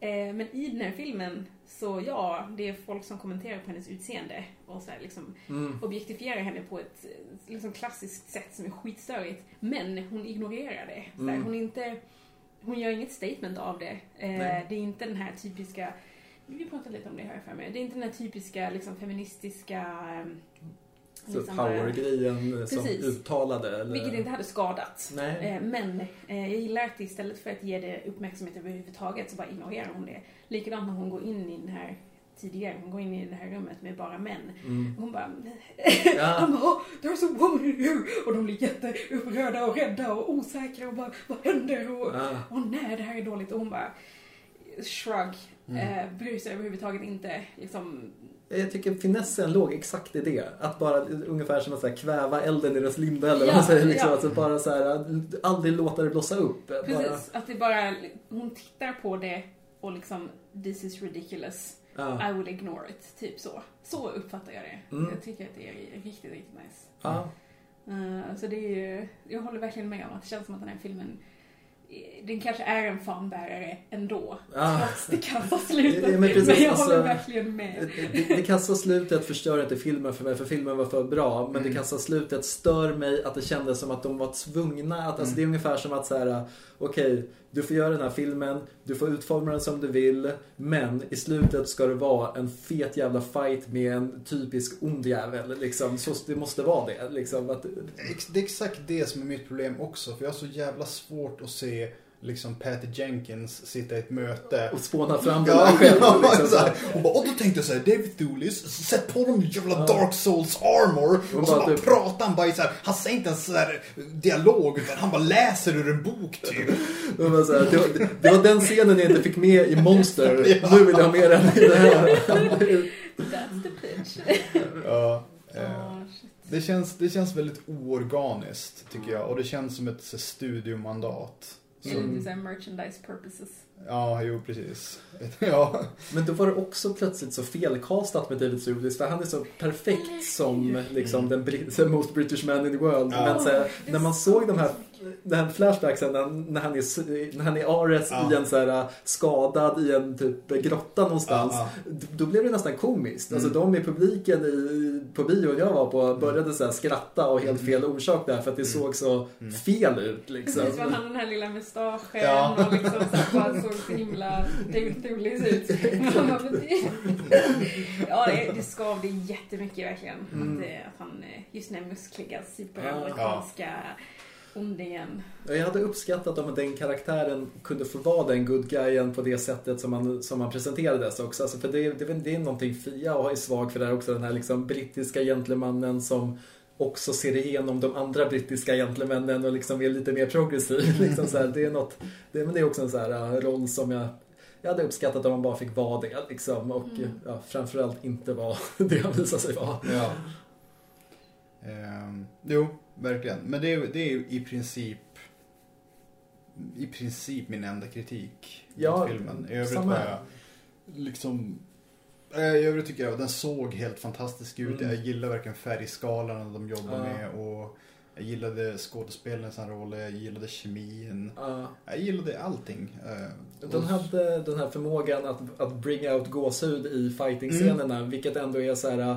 Jag har fått det förut, jag är en sucker för typ så här mäktiga fight-scener på det sättet, Mm. men i och med att eh, utvecklingen gått ganska långt så krävs det ju mer. När man har sett feta fighter, det krävs inte bara snygg visuell grej, utan det krävs en viss dramaturgi i det. Alltså det här eh, i slutet nu när hon typ eh, jag hade tagit över det här tornet efter snipern och tittat ner och typ så här, alla i byn typ så här applåderade. Så här, ja, det är verkligen sånt jag får Mm. gåshud av. Alltså, Ja. ehm, Och för så mycket som jag älskar Batman så hade jag typ nästan aldrig gåshud i Batman v Superman.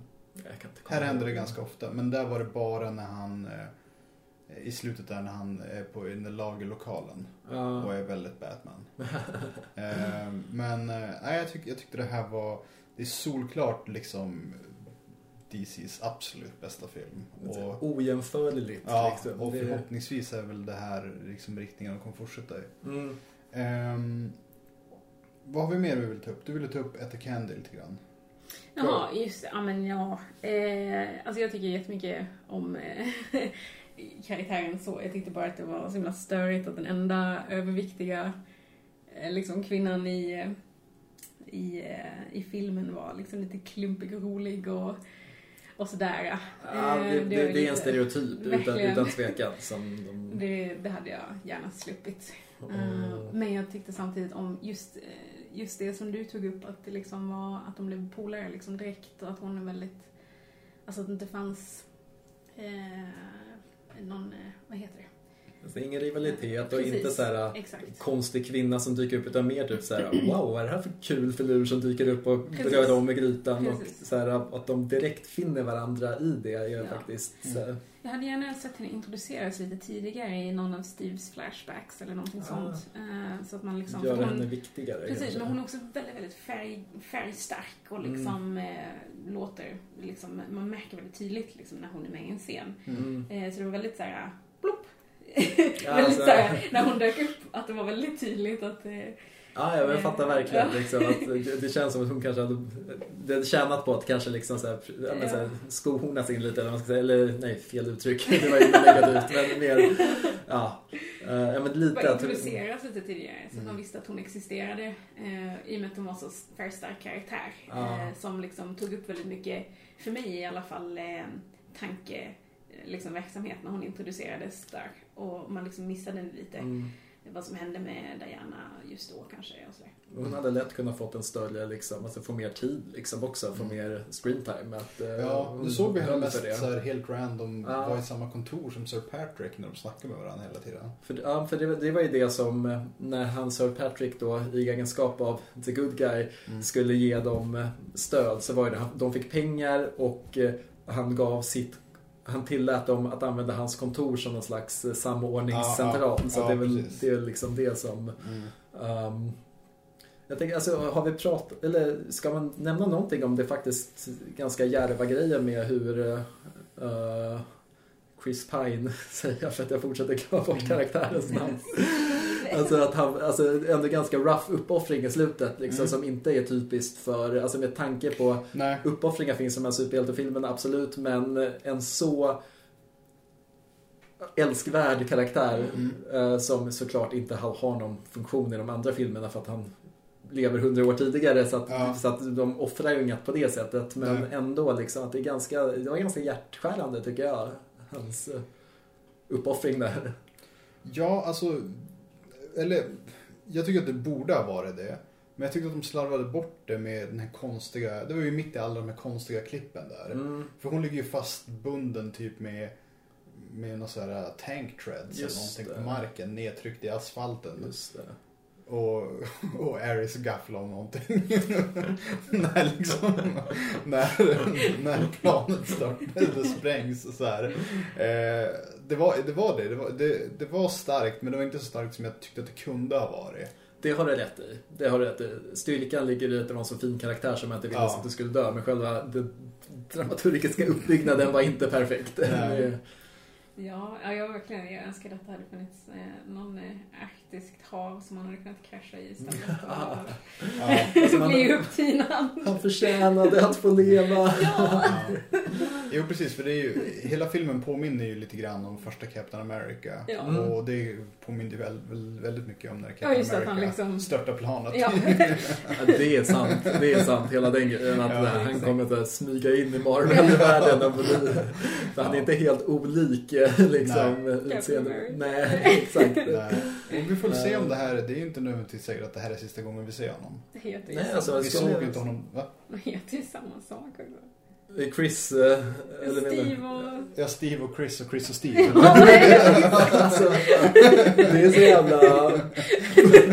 för att, eh, ja. They're actually the same person. ja. Ja men typ, alltså liksom ur ett stereotyp alltså i en stereotyp liksom så Hollywood-personlighetsgrej så är de ju samma person. Liksom. Ja, de, är ju, de, de, kan ju ta varandras roller ja, när som helst genom hela deras karriärer. Liksom. Definitivt. Men det är ju lite så här, alltså det är ju lite regel så då. Om vi inte har sett någon dö i en superhjältefilm så är det inte säkert att de är döda. Ja, det är sant. Men jag tänker bara här, så han har inga super... Ja, okej. Okay. Det, är, det är film, det är ja. allt kan hända. Senapsgas. Uh, och vad, ja, exakt, vad ska de göra som utspelar sig i den, eller i och för sig, de kan ju, de kan ju för sig göra nya filmer på Wonder Woman under hela 1900-talet om de ja. vill liksom. Det så här, oh, vi plockade Steves DNA, här är en klon. Ja, eller, ja, eller alltså, också såklart. eller att vi, jag menar vi får ju ändå en bild av att han typ liksom har legat runt lite grann så det skulle kunna komma down the line Ja. Nej. Oäkta barn och så kan det vara en creepy romans med Captain America. Oh. Med, oh, med Agent Carter och Agent Carters barnbarn.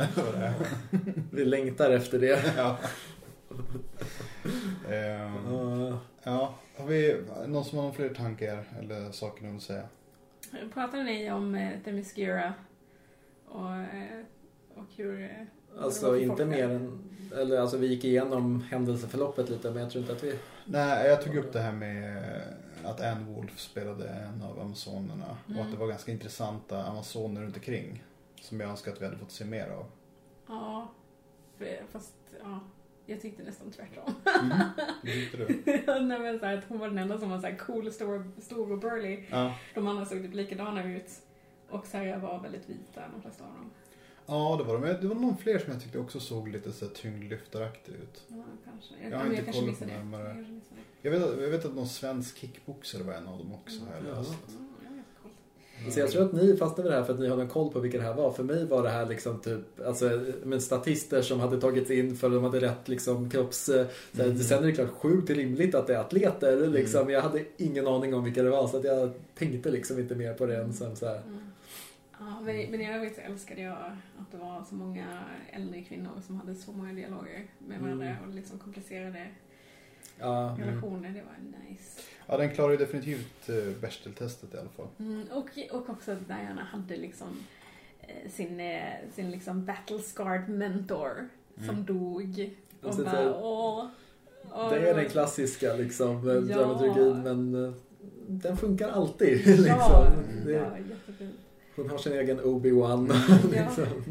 Det är ångverkan, det funkar alltid. Mm. Ja, och också liksom att det var kvinnor som gjorde det. Ja. Det mm. faktiskt ger, ger det någonting eh, annorlunda som jag inte trodde. Mm. Liksom. Det, eller det kanske bara är just att det är annorlunda från hur det brukar vara. Ja. Men, eh, Men det, det du varit inne på också, att de liksom närmar sig ämnet, att det är en kvinna som gör saker som i vanliga fall alltid är snubbar. Och när, det är, när man vänder på konventioner på det sättet så måste man på något sätt anmärka på att man gör det. Men risken är att det bara blir liksom, alltså det du var inne på hur... Äh, det skulle, liksom. Ja men precis. Och balansen här var väldigt, väldigt, väldigt bra liksom. Alltså, mm.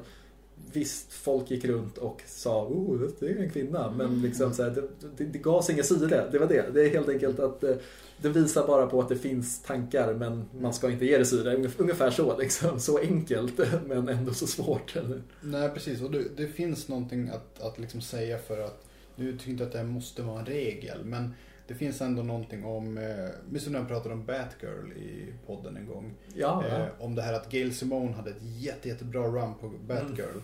Och sen kickade de henne och tog in två liksom medelålders dudes. Och då skrev de Batgirl så himla mycket vi skriver för kvinnor fast ur ett liksom 45-årigt mans perspektiv. Mm. Det finns ändå någonting att säga för att, ja, men, att låta Patty Jenkins mm. göra en sån här film. Liksom ja. Istället för Zack Snyder. För att hon ja. ser ändå saker som han inte ser. Ja. Och likadant nu när Ryan Coogler som är liksom en afroamerikansk man ska göra Black Panther. Det finns ändå någonting att säga för det. Att, att, att uh, vissa typer av inlevda upplevelser kan definitivt ge ett närmare perspektiv och mer mm. nyanserat perspektiv. På... Fram, framförallt i de små nyanserna. Det är mm. alltid där man verkligen märker hur mm. liksom så här, det bara sömlöst blir någonting av historien mm, mm, som man inte brukar se det. Liksom. Nej, definitivt. Mm. alltså vi kanske har pratat av oss. Är, uh, jag känner alltså verkligen att jag jag tror att jag har fått ut det. Jag, såg den igår och jag har aldrig varit så nära på när I vanliga fall har det hunnit gå typ två, tre veckor innan vi mm. liksom eh, får tid att sitta och snacka om en film som man har sett. Så att, uh, jag har inte liksom tänkt igen det kvällen innan skrivit ner någonting. Men jag visste bara liksom så här, Jag älskar den, men jag hatar slutet. Men jag tycker ändå filmen är så jävla bra. Alltså mm. slutet ruinerar inte filmen ändå. Liksom, så det är, det är mitt övergripande. Mm. Liksom. Ja, jag tycker ungefär likadant. Ja, jag tyckte den var viktig. Mm. Eh, den sa viktiga saker som inte sägs så ofta. Ja. Eh, I, I särskilt de sakerna som vi pratar om nu. Liksom, med, mm. uh, ja, vem som har gjort den. Liksom. Mm. Och för, förhoppningsvis så blir den väl nu en kulturbärare liksom framåt. Mm. Därför att nu har den slagit hål på myten att, att folk inte vill se superhjältefilmer med kvinnor i huvudrollen. Ja. Uh, ja men, kvinnliga regissörer på tunga liksom, mm. uh, storproduktioner. Mm, mm. Uh, det finns fler än Catherine Bigelow ja. uppenbarligen. Uh, vad heter det? Ja, men I det stora perspektivet här, om vi, om vi ska se på det big picture som de gör med krig. att, uh, om tio år så kommer det här vara en tydlig markör. Det är jag mm. övertygad om. Mm, verkligen. Det är... Spännande. Ja, verkligen. ja, um, det var allt för oss den här gången då. Ja, det var det. Eh, vi får, ja, tack, ja, för, tack att du för att du ville vara med. med. Tack för att vi fick vara hemma hos dig och göra det här också. Det får ni gärna göra. Ja, det är spännande. Mitt kök står till förfogande. tack, vad härligt. Eh, ja, så vi hörs igen inom kort. Eh, vi... Ja, gör vi? Ja, det är ja, Spiderman Just det, nästa avsnitt skulle ja. jag tro. Eh, så Ja, vi, eh, vi är tre Donatellos. Jag heter Kristoffer. Jag heter Cayman. Jag heter Pernilla. Way! Hejdå! Hej!